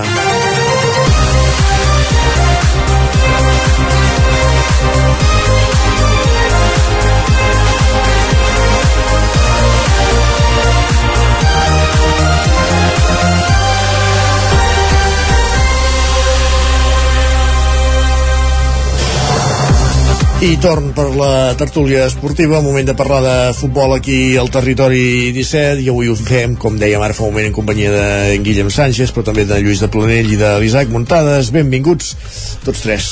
Gràcies, bon dia. Bon dia. Què, però no hem de començar ara a les pilades parlàvem que tant el Barça i el Madrid fan un joc insípid, inhòspit per dir-ho d'alguna manera però també sens dubte que un dels nous propis del cap de setmana és el de Luis García eh, que ja no és l'entrenador de, de l'Espanyol després d'aquest empat a dos eh, a casa amb, amb l'Eiber primer anàlisi d'urgència Lluís de Planell Home, d'urgència no, ja és d'ahir això, eh? Sí. Eh, quan passen coses ara eh, miro les xarxes socials, com suposo que fa tothom, i el que veig és una una, una situació estranya perquè ningú se- sembla o semblava massa decidit a, a canviar d'entrenador. I es diu, no, home, tampoc estàvem tan malament, eh, som a la jornada 10 o 12 de, de, i queda molta lliga i la competició és molt llarga i hi havia una certa confiança en, amb en eh, Lluís Garcia que, bueno, eh, la, el, els tècnics de la casa sembla que no, no, no, no pensen el mateix i no i bueno, es van decidir per un canvi d'entrenador. I han passat d'un entrenador novell perquè com a entrenador ho és i amb, amb 20 i pocs partits a primera i a segona divisió eh, i han passat doncs amb un, amb un home que té moltíssima experiència a segona divisió que ha entrenat a l'Almeria que ha entrenat al a l'Albacete i que va jugar a la promoció amb el Girona, contra el Girona eh, la promoció d'ascens que em penso van empatar a Girona llavors el, Van perdre Canàries. Exactament, van perdre Canàries i llavors, bueno, Tenerife. I bé ja dic, han, han passat d'un extrem a l'altre de, de, de poquíssima experiència o nul·la en, en segona divisió perquè en Lluís García no hi havia jugat mai eh, com a jugador i naturalment tampoc hi havia entrenat mai i amb un home doncs, que, que això té una experiència eh, notable. No ha anat malament el lloc perquè el Bacete també va jugar a la promoció d'ascens vull dir que sempre ha estat entre els primers de, de segona divisió encara que també cal dir que no ha pujat mai espero que aquesta vegada doncs, sí, la bona. sigui la bona exacte. Luis Miguel Ramis el problema, eh, ara ho deies que potser des de fora la sensació que no sé, no sabem si era Luis García tornem a estar amb allò que dèiem la setmana passada que quan, que quan Gundogan exigi als seus companys més, més determinació, més compromís això també és el que passa a, a, a, a Cornellà o no? També podria ser, eh? però um, jo diria que Luis García és un entrenador que, dels que m'agraden a mi perquè s'estima més guanyar un partit 3 a 2 que 1 a 0 eh, això de l'1 a 0 no sé si us sona no, els culers no, no, eh, ara, ara en parlem d'això si vols. i, i llavors doncs vull dir que eh, diguem un, un plantejament arriscat a mi m'agrada el que passa és que Tagala no sé si tenia els homes esquients per fer-ho. I llavors ell es mantenia en el, en el seu plantejament eh, fos com fos amb les variants que fos amb, amb tres centrals, amb cinc defenses o el que sigui però eh, la cosa no funcionava. I, i la prova està que, que l'equip hauria d'estar eh, per plantilla i per ambició hauria d'estar en el primer lloc destacat i, i ara doncs és, és fora de, de les dues eh, dels dos llocs de, de cens directe. Per tant vull dir que la, la cosa no funciona. Eh, no sé ja ho veurem. Jo he dir que canvis d'aquests abans de la jornada 15 i amb un equip que està entre el ara mateix és top, top 6 de, de segona divisió o 4 penso que està. Jo em sorprenen, jo quan vaig veure ahir que saltava la notícia que avançava un, una ràdio que llavors es va acabar confirmant cap als gols del, del migdia pensava que era una broma, que algú havia llançat alguna cinquè a l'Espanyol doncs mira, que havia llançat la notícia aquesta per poder generar una mica de rebombori, de fet em va, em va sorprendre molt. Uh, jo crec que tots estem ja massa impregnats d'aquesta mentalitat de, de, de, de presses, de resultadisme i de, i de nervis. Eh, no sé si també hi ha, hi ha ajudat una, una mica això però jo em sembla molt, molt ridícul prendre decisions eh, per un mes de, de mals resultats o per quatre partits de, de mals resultats. Evidentment tots els equips el que volen és aconseguir sempre victòries estar a dalt a la, a la classificació però jo penso que si, que si es vol donar confiança a, algú, clar, amb quina amb quina garantia arriba ara aquest entrenador? Sabent que per davant seu n'han passat 9 amb, amb 7 anys o 8 amb, amb, amb, amb 7 anys, clar. Quina, quina garantia té aquest, aquest senyor que li han, que li han vengut? Uh, o et poses primer en un mes i mig o, o en vindrà un altre al teu lloc? El minut, el minut 45 del partit de divendres si algú diu ara canviarem d'entrenador ho dic que, perquè en, eh, va ser en el 47 em penso que, que, en, que l'Espanyol va empatar eh, però perdia 1 a 0 i li van eh, anul·lar en el, en l'Eibar un gol anul·lat per, correctament per fora de joc però vull dir que la sensació que feia l'equip era eh, autènticament desastrosa. Llavors si en algú li demanes en aquell moment escolta, eh, tu canviaries l'entrenador no sé què hauria pensat la gent eh, la, les 20.000 persones que eren en, en el camp perquè el joc era eh, francament desolador però llavors també penses, aviam, eh, un jugador professional que té un company a 5 metres i, i li passa la pilota malament això és culpa de l'entrenador. Clar, que estem, estem ja en aquest debat que exactament, però llavors ja hi som. En, en, per, per què no hi ha un bon ambient? Perquè o sigui, el partit va canviar immediatament que, que l'Espanyol va fer el segon a la que es va posar 2 a 1 va ser l'Ebre el que va, tenir els problemes l'Ebre el que no li sortien les coses i l'Espanyol el que funcionava bé Vull dir que... Per tant, això... vol dir que en certs moments les coses han funcionat amb Luis García jugant. Però, però esclar, eh, passem de, de la primera part horrible que tots en el descans hauríem dit escolta, potser que, que, que canviem, sense ho haguessin demanat algú, i a la segona part doncs ja, ja ho veu d'una altra manera i pensa, no, no, no i llavors, no ho sé eh, els tècnics es, es devien quedar amb la primera part. També haig de dir que dissabte hi va haver un acte precisament a, a la sala de, de, de presidència, a la llotja de presidència del, del club, i érem gairebé 200 pericos i en cap moment ningú va insinuar res del que havia de passar poquíssimes hores després. Isaac, algun comentari al respecte? Mm, bé, uh, sí que sorprèn no, que l'hagin fet fora, sobretot perquè va venir a, a finals de l'any passat, no, com, com el salvador una mica de l'Espanyol i, i, i es nota que no hi ha gaire paciència no, a, a l'equip Perico, sobretot aquesta temporada que en teoria ha de, ha de tornar a ascendir, perquè l'Espanyol quan sempre que ha baixat, em sembla, ja ho vam comentar l'altre dia, ha acabat pujant la temporada següent, perquè si no ho fas després pots eternitzar a segona divisió i, i és un problema i sobretot per un equip que té un camp de primera divisió que és un equip entre els top 6 o 7 d'equips de, que tenen més punts a primera divisió tot i, no, que, tot i que no ha guanyat mai cap lliga que això també és una cosa que és estranya perquè en aquest top eh, potser és l'únic que no, no ho ha aconseguit no? I, i bé, a veure què, què passa no ho sé, jo no conec el, el nou entrenador de l'Espanyol la veritat que fos Luis García entrenador potser era molt millor perquè era un home de la casa. Mm, no sé, tampoc, tampoc opinaré molt perquè realment és estrany eh, fer fora algú quan estàs entre els sis primers per molt que portés una ratxa una mica dolenta però, però bé, també l'altre dia els hi van fer el gol a l'últim minut al final. Són factors no, que quan estàs malament et fan el gol a l'últim minut i, i, i mira, mala sort i quan estàs bé doncs et cau, et cau la moneda de, de cara com, com suposo que també ara parlarem del Girona que li, li cau tot de cara ara i en els altres equips doncs no, no, no tant.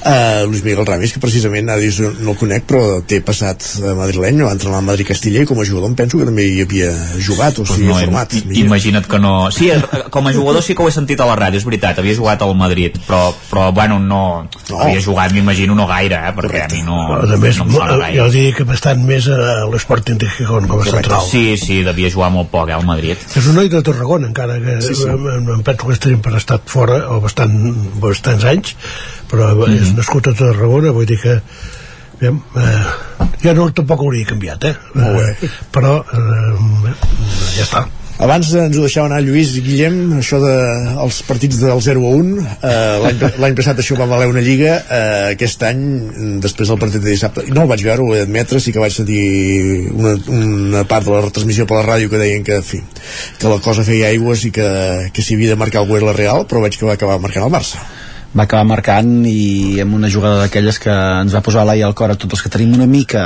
ja no dic de, de passió sinó d'estima per al, per al Barça perquè potser en Gundogan si, si hagués anat mig segon abans doncs hagués eh, agafat l'atac de cor que ens va agafar quan vam veure la, la imatge del, del bar amb el frame parat en el moment en què sortia la bola del, del seu peu per saber si l'Araujo estava en fort de joc o, o no uh, jo crec que si algú veu l'altre dia els 85 primers minuts del, del partit del, del Barça pot treure conclusions com que aquest equip no pot guanyar la Lliga que aquest equip no juga a futbol que és estrany que hagi guanyat eh, algun partit a la Lliga de, de Campions aquest any i quatre, que algú es pugui aficionar a veure el futbol o a seguir el futbol o a seguir el Barça veient partits d'aquest equip. Uh, molt trist penso jo que equips com la Reial o com el Girona puguin fer propostes futbolístiques atractives, ja no dic que aquestes propostes tinguin llavors una traducció amb resultats, que això és un altre, un altre debat i una altra qüestió, però si més no, jo ara mateix el Barça no és dels equips que tinc pressa per veure i per saber quan juga i per saber on juga eh, el cap de setmana ni entre setmana. Dimecres Champions, I... ho sàpigues. Ah, no, demà, em sembla, I... dimarts, perdó i, i afegir que el VAR no, no funciona perquè si el VAR hagués funcionat en aquest partit doncs el Barça hagués empatat a zero mínimament. Perquè Araujo hauria d'haver anat al carrer en una entrada desproporcionada sem bastant semblant a la que li va fer Nacho a Porto per tant era expulsió, era vermella directa si ja sabeu de quina entrada parlo i aneu-la a buscar, jo crec que l'ha vist tothom i, i per tant no, no hagués acabat el partit amb 0 a 1 el Barça evidentment eh, va, tenir, va tenir sort va seguir empenyent fins que va marcar poder... Però va empènyer durant dos, dos minuts, eh, Isaac? Sí, no, no bueno, va empènyer dos minuts, exacte, sí, de fet, és man... sí, sí, sí, exacte. El Madrid realment va mereixer més i mira, al final aquest partit, ja era un partit que jo ja el, ve, ja el veia malament, eh, perquè aquests partits que te'n va 0-0 el descans al Bernabéu, últimament no sé què passa.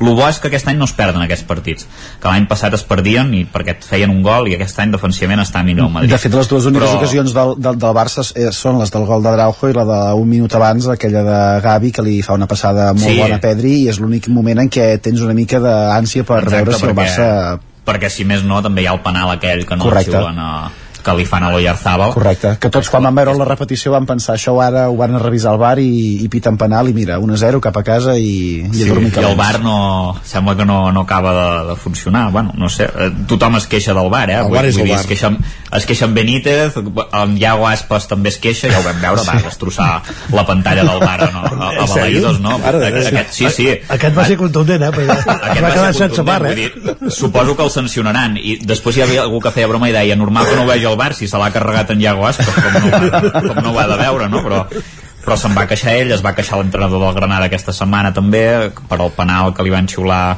contra el València, vull dir que cada setmana estem amb lo mateix i al final tu no pot ser, o sigui o, o, o fem un canvi en el bar o, o ja podem donar la lliga no sé, tanquem la paradeta però bueno, jo avui li he sembla el Girona també paret- tanquem la paret avui i Girona campió de Lliga i em sembla bé Ah, sí? Sí, tots. bueno, aviam, jo prefereixo que guanyi el Madrid, la Lliga, evidentment, però si no l'ha de guanyar el Madrid, doncs, home, que la guanya el Girona, no?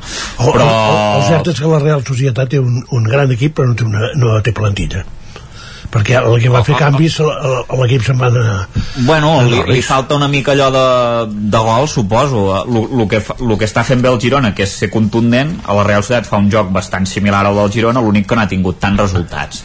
Jo penso que és la, que és la diferència. Sí, perquè Com sorprèn- també hi va haver alguns anys que el Betis feia el mateix, feia bons partits veure, i no li sortien. sorprèn veure equips com l'Atlètic de Madrid o l'Atlètic de, de Bilbao que tinguin més punts que la, que la Real veient la proposta futbolística que, que fan, o almenys la que van fer el dissabte. Però estarà dalt, eh, la Reial, això no, no en tinc cap dubte, eh?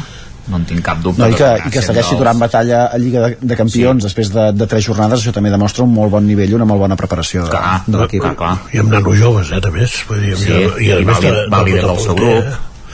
sí, sí eh, no, no, bé, bé, la Real bé, bé Girona millor Girona millor El Girona millor, Girona millor, home. està espectacular, no? Vull dir que a més, Però- però a més a remunta, més, el- remunta partits, allò que dèieu abans de, de l'actitud, l'energia i l'estat d'ànim, home, és, és, Sí. és això. La dinàmica. és que, La dinàmica és un equip de ratxes i, i quan fot un gol o dos és que, és que te'ls fa seguits, és, no et deixa reaccionar i remunta partits i, i, de, i per ara només ha tingut un partit dolent en tota la, en tota la temporada. Bueno, dos, el del Celta i el del Madrid evidentment, i un el va aconseguir guanyar. El Madrid, doncs home, el Madrid sabem que és un equip que és molt contundent a les àrees i aquell dia precisament segurament va fer el millor partit de la temporada doncs, doncs mira, Som el nou, Girona està bé. som el nou Leicester, diu en Pol Grau, que avui no el tenim a la tertúlia, però amb un dia per línia interna. No, no, No- no crec. No, no, no perquè el Leicester eh, es dedicava eh, potser a jugar una mica menys a, a, a futbol i a defensar molt Sí. bé, cosa que el Girona el que fa és defensar bé amb la pilota i voler ser protagonista del, del eh, partit tampoc o sigui, també s'ha de dir que ningú esperava que el Leicester aquell any guanyés la, la Lliga amb la proposta Sí. futbolística de 11 a 0 també, gols de corna al minut 90 contraatacs de, de Bardi i, i molta gent defensant això és una mica diferent del, del Girona però sí que ara mateix clar, és que comences a fer, a fer números llavors penses que no portes ni, ni un terç pràcticament de temporada Correcte. però, però clar, és que la quantitat de punts que tens acumulat ja ara mateix et fa pensar que amb dues victòries més estàs salvat quan no portes o quan no portaràs ni mitja, ni mitja lliga Ja, ja, ja demanaries tenir crèdit per l'any que ve, no? i comences, no, no, i comences a mirar diferències amb els equips que estan en places europees o que estan lluitant per accedir per ficar-se en Mhm. places europees i, i clar, eh, hi ha tres o quatre partits ja de, de marge per tant, això pot, pot començar a fer si és que no ho ha fet ja que els jugadors i la plantilla es comencin a creure encara més que amb la meitat de bons resultats del que hi pugui haver fins a final de la temporada pugui acabar sent un any un any històric Partit a partit, diria. totes a la maneres jornada 30 no es pot dir res aquí. A la jornada 30 en parlem, com en el cas del Leicester. De totes maneres, va estar allà. de totes maneres el, en Mitchell ha canviat el discurs perquè fins fa quatre dies deia que el nostre objectiu és la i permanència aquest dissabte ja va fer i llavors ja, ja, ja va matitzar.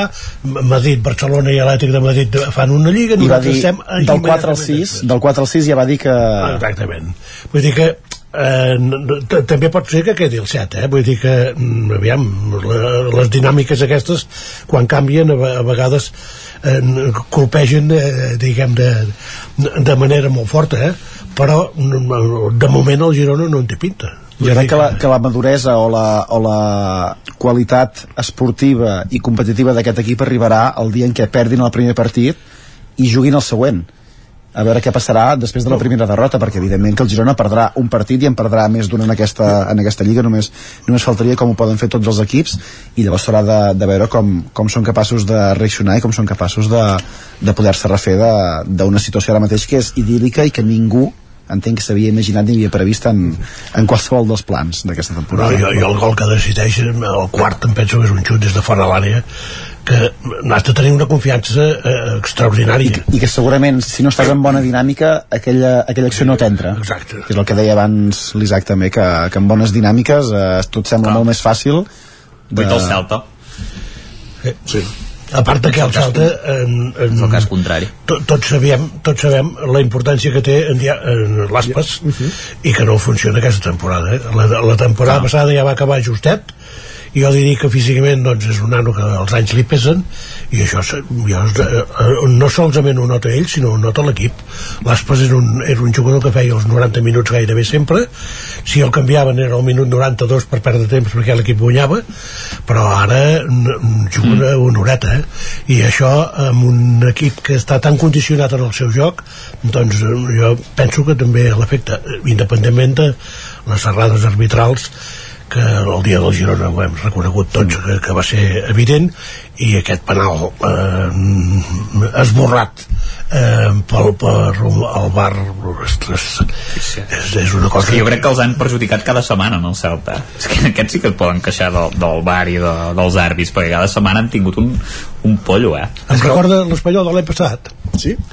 Sí. Eh, Bueno, cada l'any setmana ens queixaven de, del mateix, cada setmana ens queixaven de l'àrbitre i llavors per acabar-ho de rematar aquell, el, el Gil Manzano a València ens va, ens va fotre la polla Ostres, sí, el València i va ser eh? i ja està dir El que no pot ser és que amb, amb aquell discurs que s'havia vengut al principi del, del bar de només entrar en accions eh, evidents de, de blanc i de negre i no de grisos, ostres, estem entrant en una paleta de color grisos aquí que, que ja Exacte. no veiem ni blanc allò que és blanc, no veiem ni negre allò que és negre i no veiem ni gris allò que és de color blau. Uh, aquí s'està entrant en un, en un terreny que, que, és molt, que és molt perillós per la salut esportiva de les, de les competicions quan estàs més pendent del que passa fora segurament que no pas del que, del que acaba passant I, dintre. i l'altra cosa, que això ho ha dit des del primer dia, el bar no entra amb les targetes grogues. Però esclar, la targeta groga primera eh, em, pot portar una altra de, de, de, de segona que aquesta sigui justa però la primera no.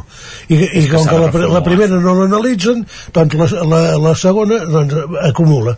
Hi ha una colla de- d'absurditats amb, amb, amb el tema del bar que, que és, bueno, els, que els àrbitres es compliquen la vida. Els equips haurien de fer revisions, Lluís, haurien de tindre un parell de revisions, una per part, per dir, hòstia, comprova'm aquesta acció si, és, si està ben arbitrada o no, i en el cas de que ho estigui, aquell equip manté la, la revisió per un altre cop, i si no ho està, doncs la perd.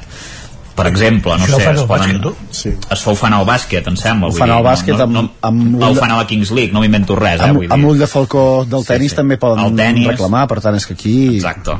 Sí, sí, és que i seria fàcil de fer i, i em sembla que el futbol sala ja es fa també, diria, a la Lliga de Futbol Sala. Per tant, ostres, de solucions és que jo no entenc com no poden posar aquestes solucions, és que sembla, és que sembla de calaix, sembla fàcil i evident, que no i no, ser i no que- genera més diners. el que no pot ser és que aficionats que per la tele estem mirant els, els partits veiguem accions més clares que les que poden veure els àrbitres que estan decidint sobre els fets que, que passen sobre el terreny de joc. I és que a més deien és que ho han de decidir amb una dècima de segon doncs ara ja no ara ja Ara poden no. parar el partit i, Estem acostumats i- tots a- a i partits s'ho Pa, miren. pares el cronòmetre, si de fa falta pares el cronòmetre i tot, Exacte, i després, el temps, i després ja no has d'afegir mm, temps afegits a quilomètrics també, que això és l'altre, que déu nhi Demà, a tres quarts de set de la tarda, Shakhtar-Barça, el Madrid juga dimecres també Champions eh, a casa davant l'Sporting de, de Braga. Eh, Rival els dos difícil. equips, els dos, rival difícil.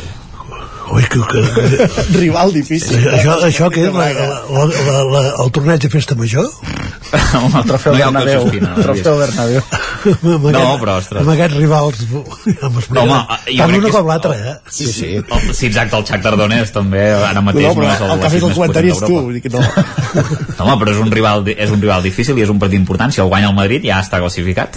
Ah, no, això sí, que- això sí que... Com, dir els punts són importants, sí. Ara el rival difícil, això ja t'ho deixo per un altre dia. Bueno, és més important guanyar el partit per, uh, poder, per poder fer caixa potser que no pas per, sí, això per, també, els, això per els punts o per les l'espectacle que, de, que es pot donar jo, jo el que em pregunto és els jugadors de, de, d'equips de Champions i pensen en els, en els diners perquè esclar, guanyar un partit de Champions no, no estem parlant de, de, De minúcia, no, de, no. de tonteries eh? són, són quantitats importants de diners eh? que en definitiva tard o d'hora poden eh, a Barça li, li va d'això, eh? Sí, sí, aquests, aquests, aquestes previsions d'ingressos que... Ha de pagar a Joao Fèlix. No, no, que els jugadors hi pensen amb els diners, amb els seus, segur. No, Els seus segur. però, però si, o sigui, si el club guanya més diners, eh, alguns, una part deuen anar a la seva, a la seva butxaca, no? Està clar. Sí, jo entenc que sí. I si no, que ens ho, que ens ho expliquin. Ara trucarem amb en, amb en la porta que ens ho... A veure, ens ho- sí. ve dijous a Vic a la porta, per cert. Li farem, li farem aquesta pregunta a veure si, Ja si, si se'l pot doncs. respondre. Ve dijous a Vic? Sí, un acte del Consell Empresarial d'Osona, i- d'entrada a porta tancada, veurem. Gràcies. Ah, bueno, ja està bé, porta tancada, no cal pas que l'obrin. Lluís de Planell, Guillem Sánchez, Isaac Montades, gràcies per ser-hi. Que vagi bé. Bon dia. Adéu, bon dia. I acabem també el territori 17 d'avui dilluns, 6 de novembre de 2023 i tornem demà a les 9 del matí fins aleshores. Gràcies per ser-hi, bon dilluns. Del 9 FM, Ona Codinenca, Ràdio Cardedeu, Ràdio Vic i La Veu de Sant Joan, amb el suport de la xarxa.